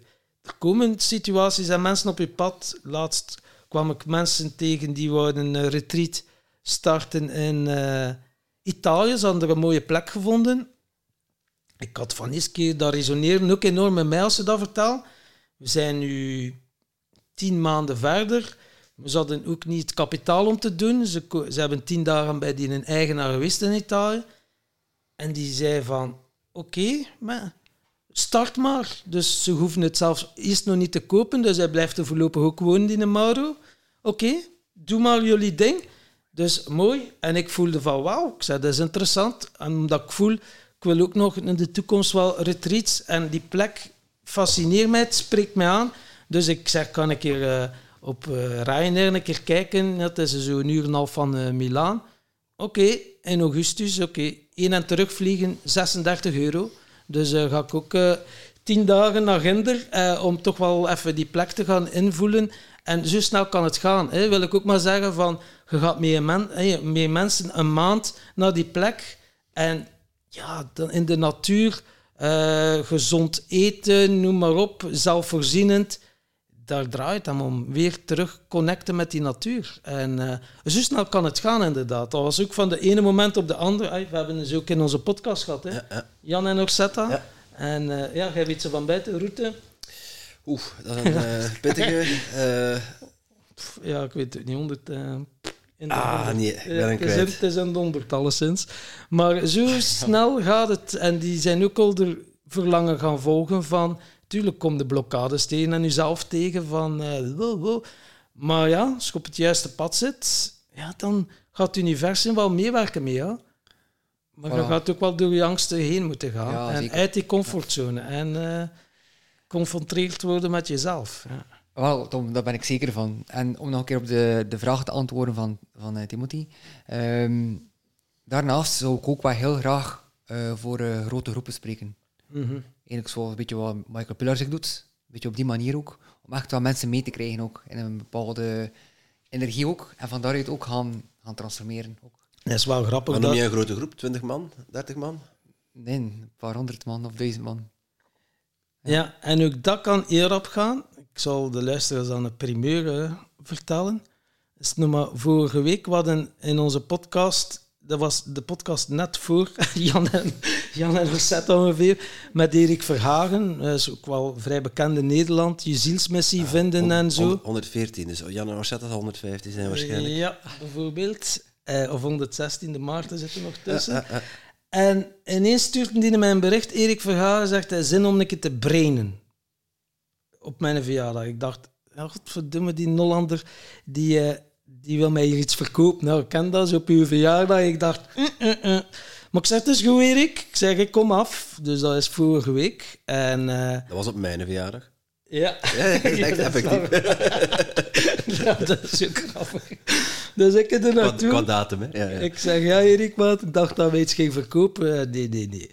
Goed, zegt hij, ik, na ons gesprek heb mij met bepaalde dingen getriggerd. Ik heb nog wat podcasts gehoord met Giel Belen.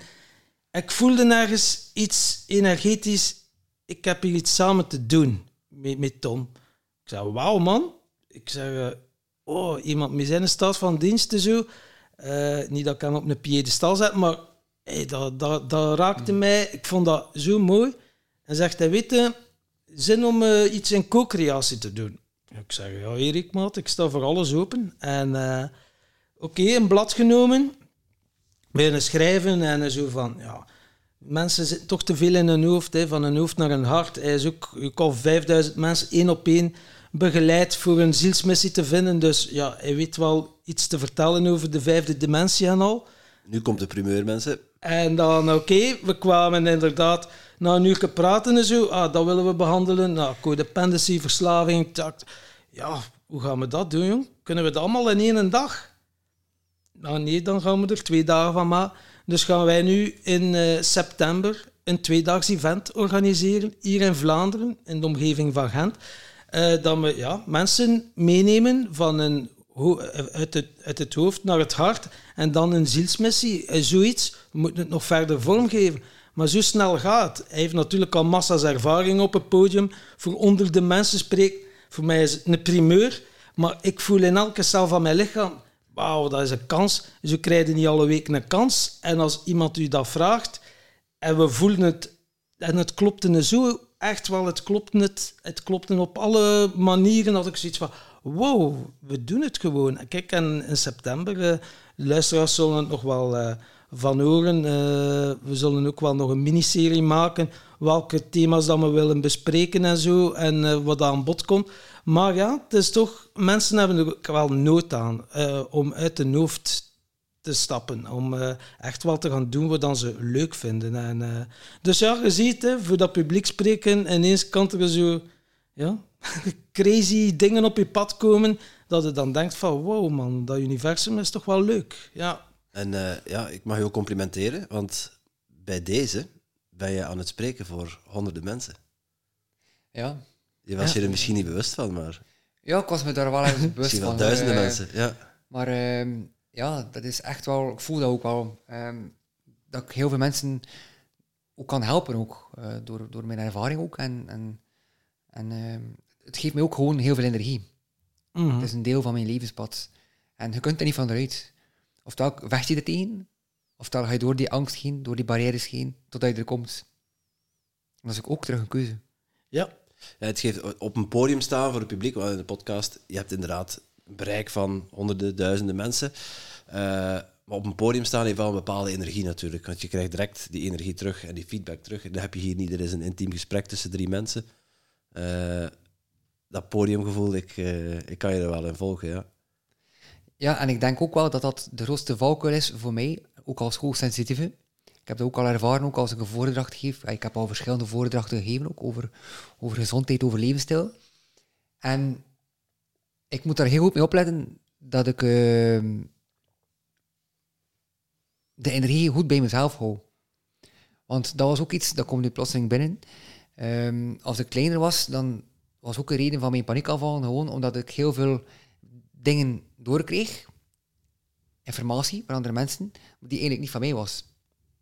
Dus ook, dat kwam binnen bij, in mijn energieveld en ik wist niet wat er allemaal kwam, waardoor dat ik een paniekaanval kreeg. Mhm. Maar nu weet ik dat wel al, van als ik iets voel, eh, hoeft het daarvoor niet altijd van mij te zijn. Mm. Dus, en ik ben wel iemand die heel snel dingen oppikt vanuit het veld, zeker in de omgeving. En hoe ontdek jij dat van, dat stuk is van mij en dat stuk is van een ander? Heb je daar, eh, kan je dat aftoetsen op een manier?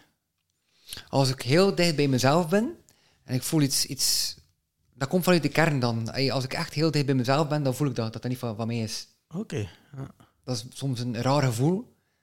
Iets dat van buiten jou komt. Je voelt dat. Oké. Ja. Misschien dat ook soms. Of, of- Ja, ik Niet voel... altijd, misschien soms. Hè, soms. Nee, wat ik voel het. En nou ja, als ik dan met een mens praat, kan ik soms zeggen, ja, ik voel hier nu zo een, eh, een beklemmend gevoel aan mijn borst. Ah ja, ja, ik voel dat ook. En dan, ik test het wel. Oh, Als ik als dan één op één coach, merk ik nu meer die signalen op, terwijl dat ik dat vroeger onbewust ook wel zal ervaren hebben. Maar dan zei ik er niets van, terwijl dat ik nu zoiets heb, oh, daar zit het echte goud. Door dat uit te spreken, oké, en dan komt het tot een heel ander gesprek.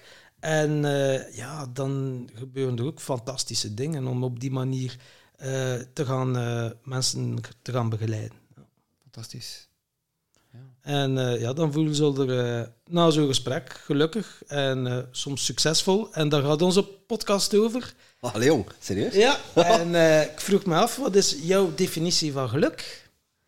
Van geluk is eigenlijk ehm, het volledig... Geluk... Nee, ik ga het anders zijn. Geluk is eigenlijk voor mij een momentopname. Is eigenlijk dat je iets instant kan creëren. Hm. Als je nu bijvoorbeeld gaat voelen, en als je dankbaarheid kan voelen, je hoeft geen cadeau te krijgen om dankbaar te voelen. En vanuit de dankbare staat ervaar je geluk. Dus geluk is iets dat je op ieder moment kan creëren. Dat is mooi gezegd. Door dankbaar te zijn voor de dingen die je al hebt, bijvoorbeeld. Ja, of gewoon Of door al te gewoon- voelen hoe- hoe uniek dat je bent. Ja. Je hoeft daarvoor nog geen dingen naar voren, naar voren te brengen of op te noemen. Gewoon door al te voelen wat voor liefdevol wezen dat je bent, dan, dan is het al eigenlijk een vorm van geluk. Ja, je Mooie bent definitie. Al, ja, je bent al goed genoeg. Ja. Succes, wat, hoe zou je dat omschrijven? Succes is dan, dan bekijk ik dat iets anders. Dan is dat eigenlijk mijn volledig potentieel kunnen benutten als ziel hier op aarde in dit lichaam, om mijn doel, dus mensen naar een gezonder, gelukkiger, vrijer leven te kunnen helpen. Dan ben je succesvol. Ja, en als je in een flow bent. Dus Mhm. als je dat vanuit de flow kan doen. Ja, ja, ja vanuit. En dan ook, kan je ook zeggen, wel, ja, succesvol. Ja. Dat is hoe je het ook bekijkt. Maar als je echt van, zegt van succesvol, is het vanuit flow eigenlijk echt wel je zielsmissie hier kan kunnen uitvoeren. Ja, vanuit flow, ja, waar dat je zelf blij en gelukkig van Voilà. wordt, dat je dat kan delen met de mensen en dan die er ook baat bij hebben uiteindelijk. Ja. Voilà. Mooi. Dus dat betekent wel succes voor mij, ja. Ja. Ja, mooie definities.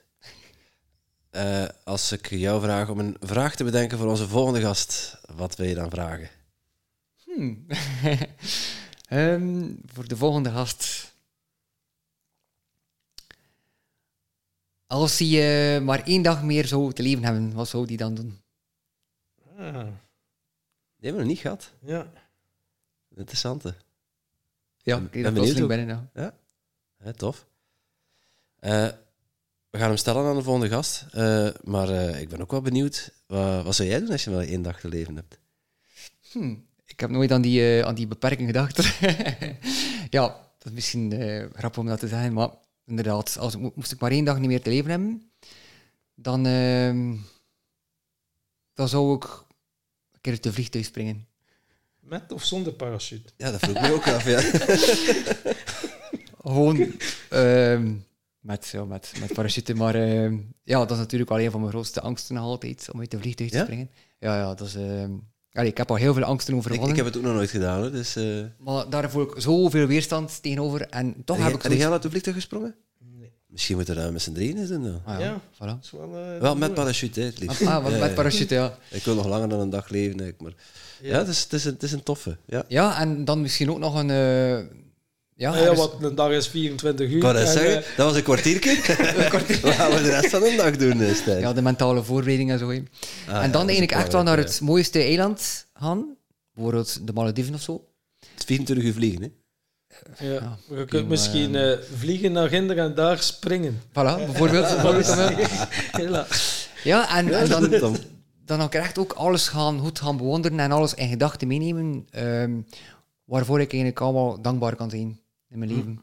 Dus al de ervaringen nog eens goed overlopen en goed invoelen. En echt wel ook mogen voelen ook dat ik, dat ik dankbaar mag zijn voor al hetgeen dat ik hier kunnen doen heb op aarde. Ja. Dat is Mooi. mooi. Ja. Dus ja. Maar eh, ja, dat is eigenlijk wel eh, misschien voor de luisteraars ook interessant. sta elke dag op met gevoel, het is de laatste dag, dan heb je een heel mooi leven. Waarin dat je heel veel spannende en leuke dingen gaat doen. Springen, Met springen. Springen, ja. We springen al dagelijks. Soms het onbekende, het onbekende. Ja, pak vooral je parachute mee als je dat, als je dat een veilig gevoel geeft. Dus eh, nee, nee, nee. nee. Tof, Stijn. Eh, bedankt voor het gesprek. En, Eh, als mensen meer informatie over jou willen vinden, of, eh, waar kunnen ze dan terecht? Ja, dat kan op eh, Bewust Welzijn. Dat is eigenlijk mijn, eh, ja, de naam waarmee ik naar buiten kom. Bewust Welzijn. Punt B. Ja, mijn website wordt nu wel vernieuwd helemaal. Omdat ik eh, ja, nieuwe, nieuwe informatie en zo en nieuwe foto's ga opplaatsen. Eh dus www.bewustwelzijn.be of de Facebookpagina. Instagram is gewoon Bewustwelzijn. Oké. En ja, daar kan je alle informatie terugvinden ook. Over mijn yogalessen, over toekomstige evenementen en zo.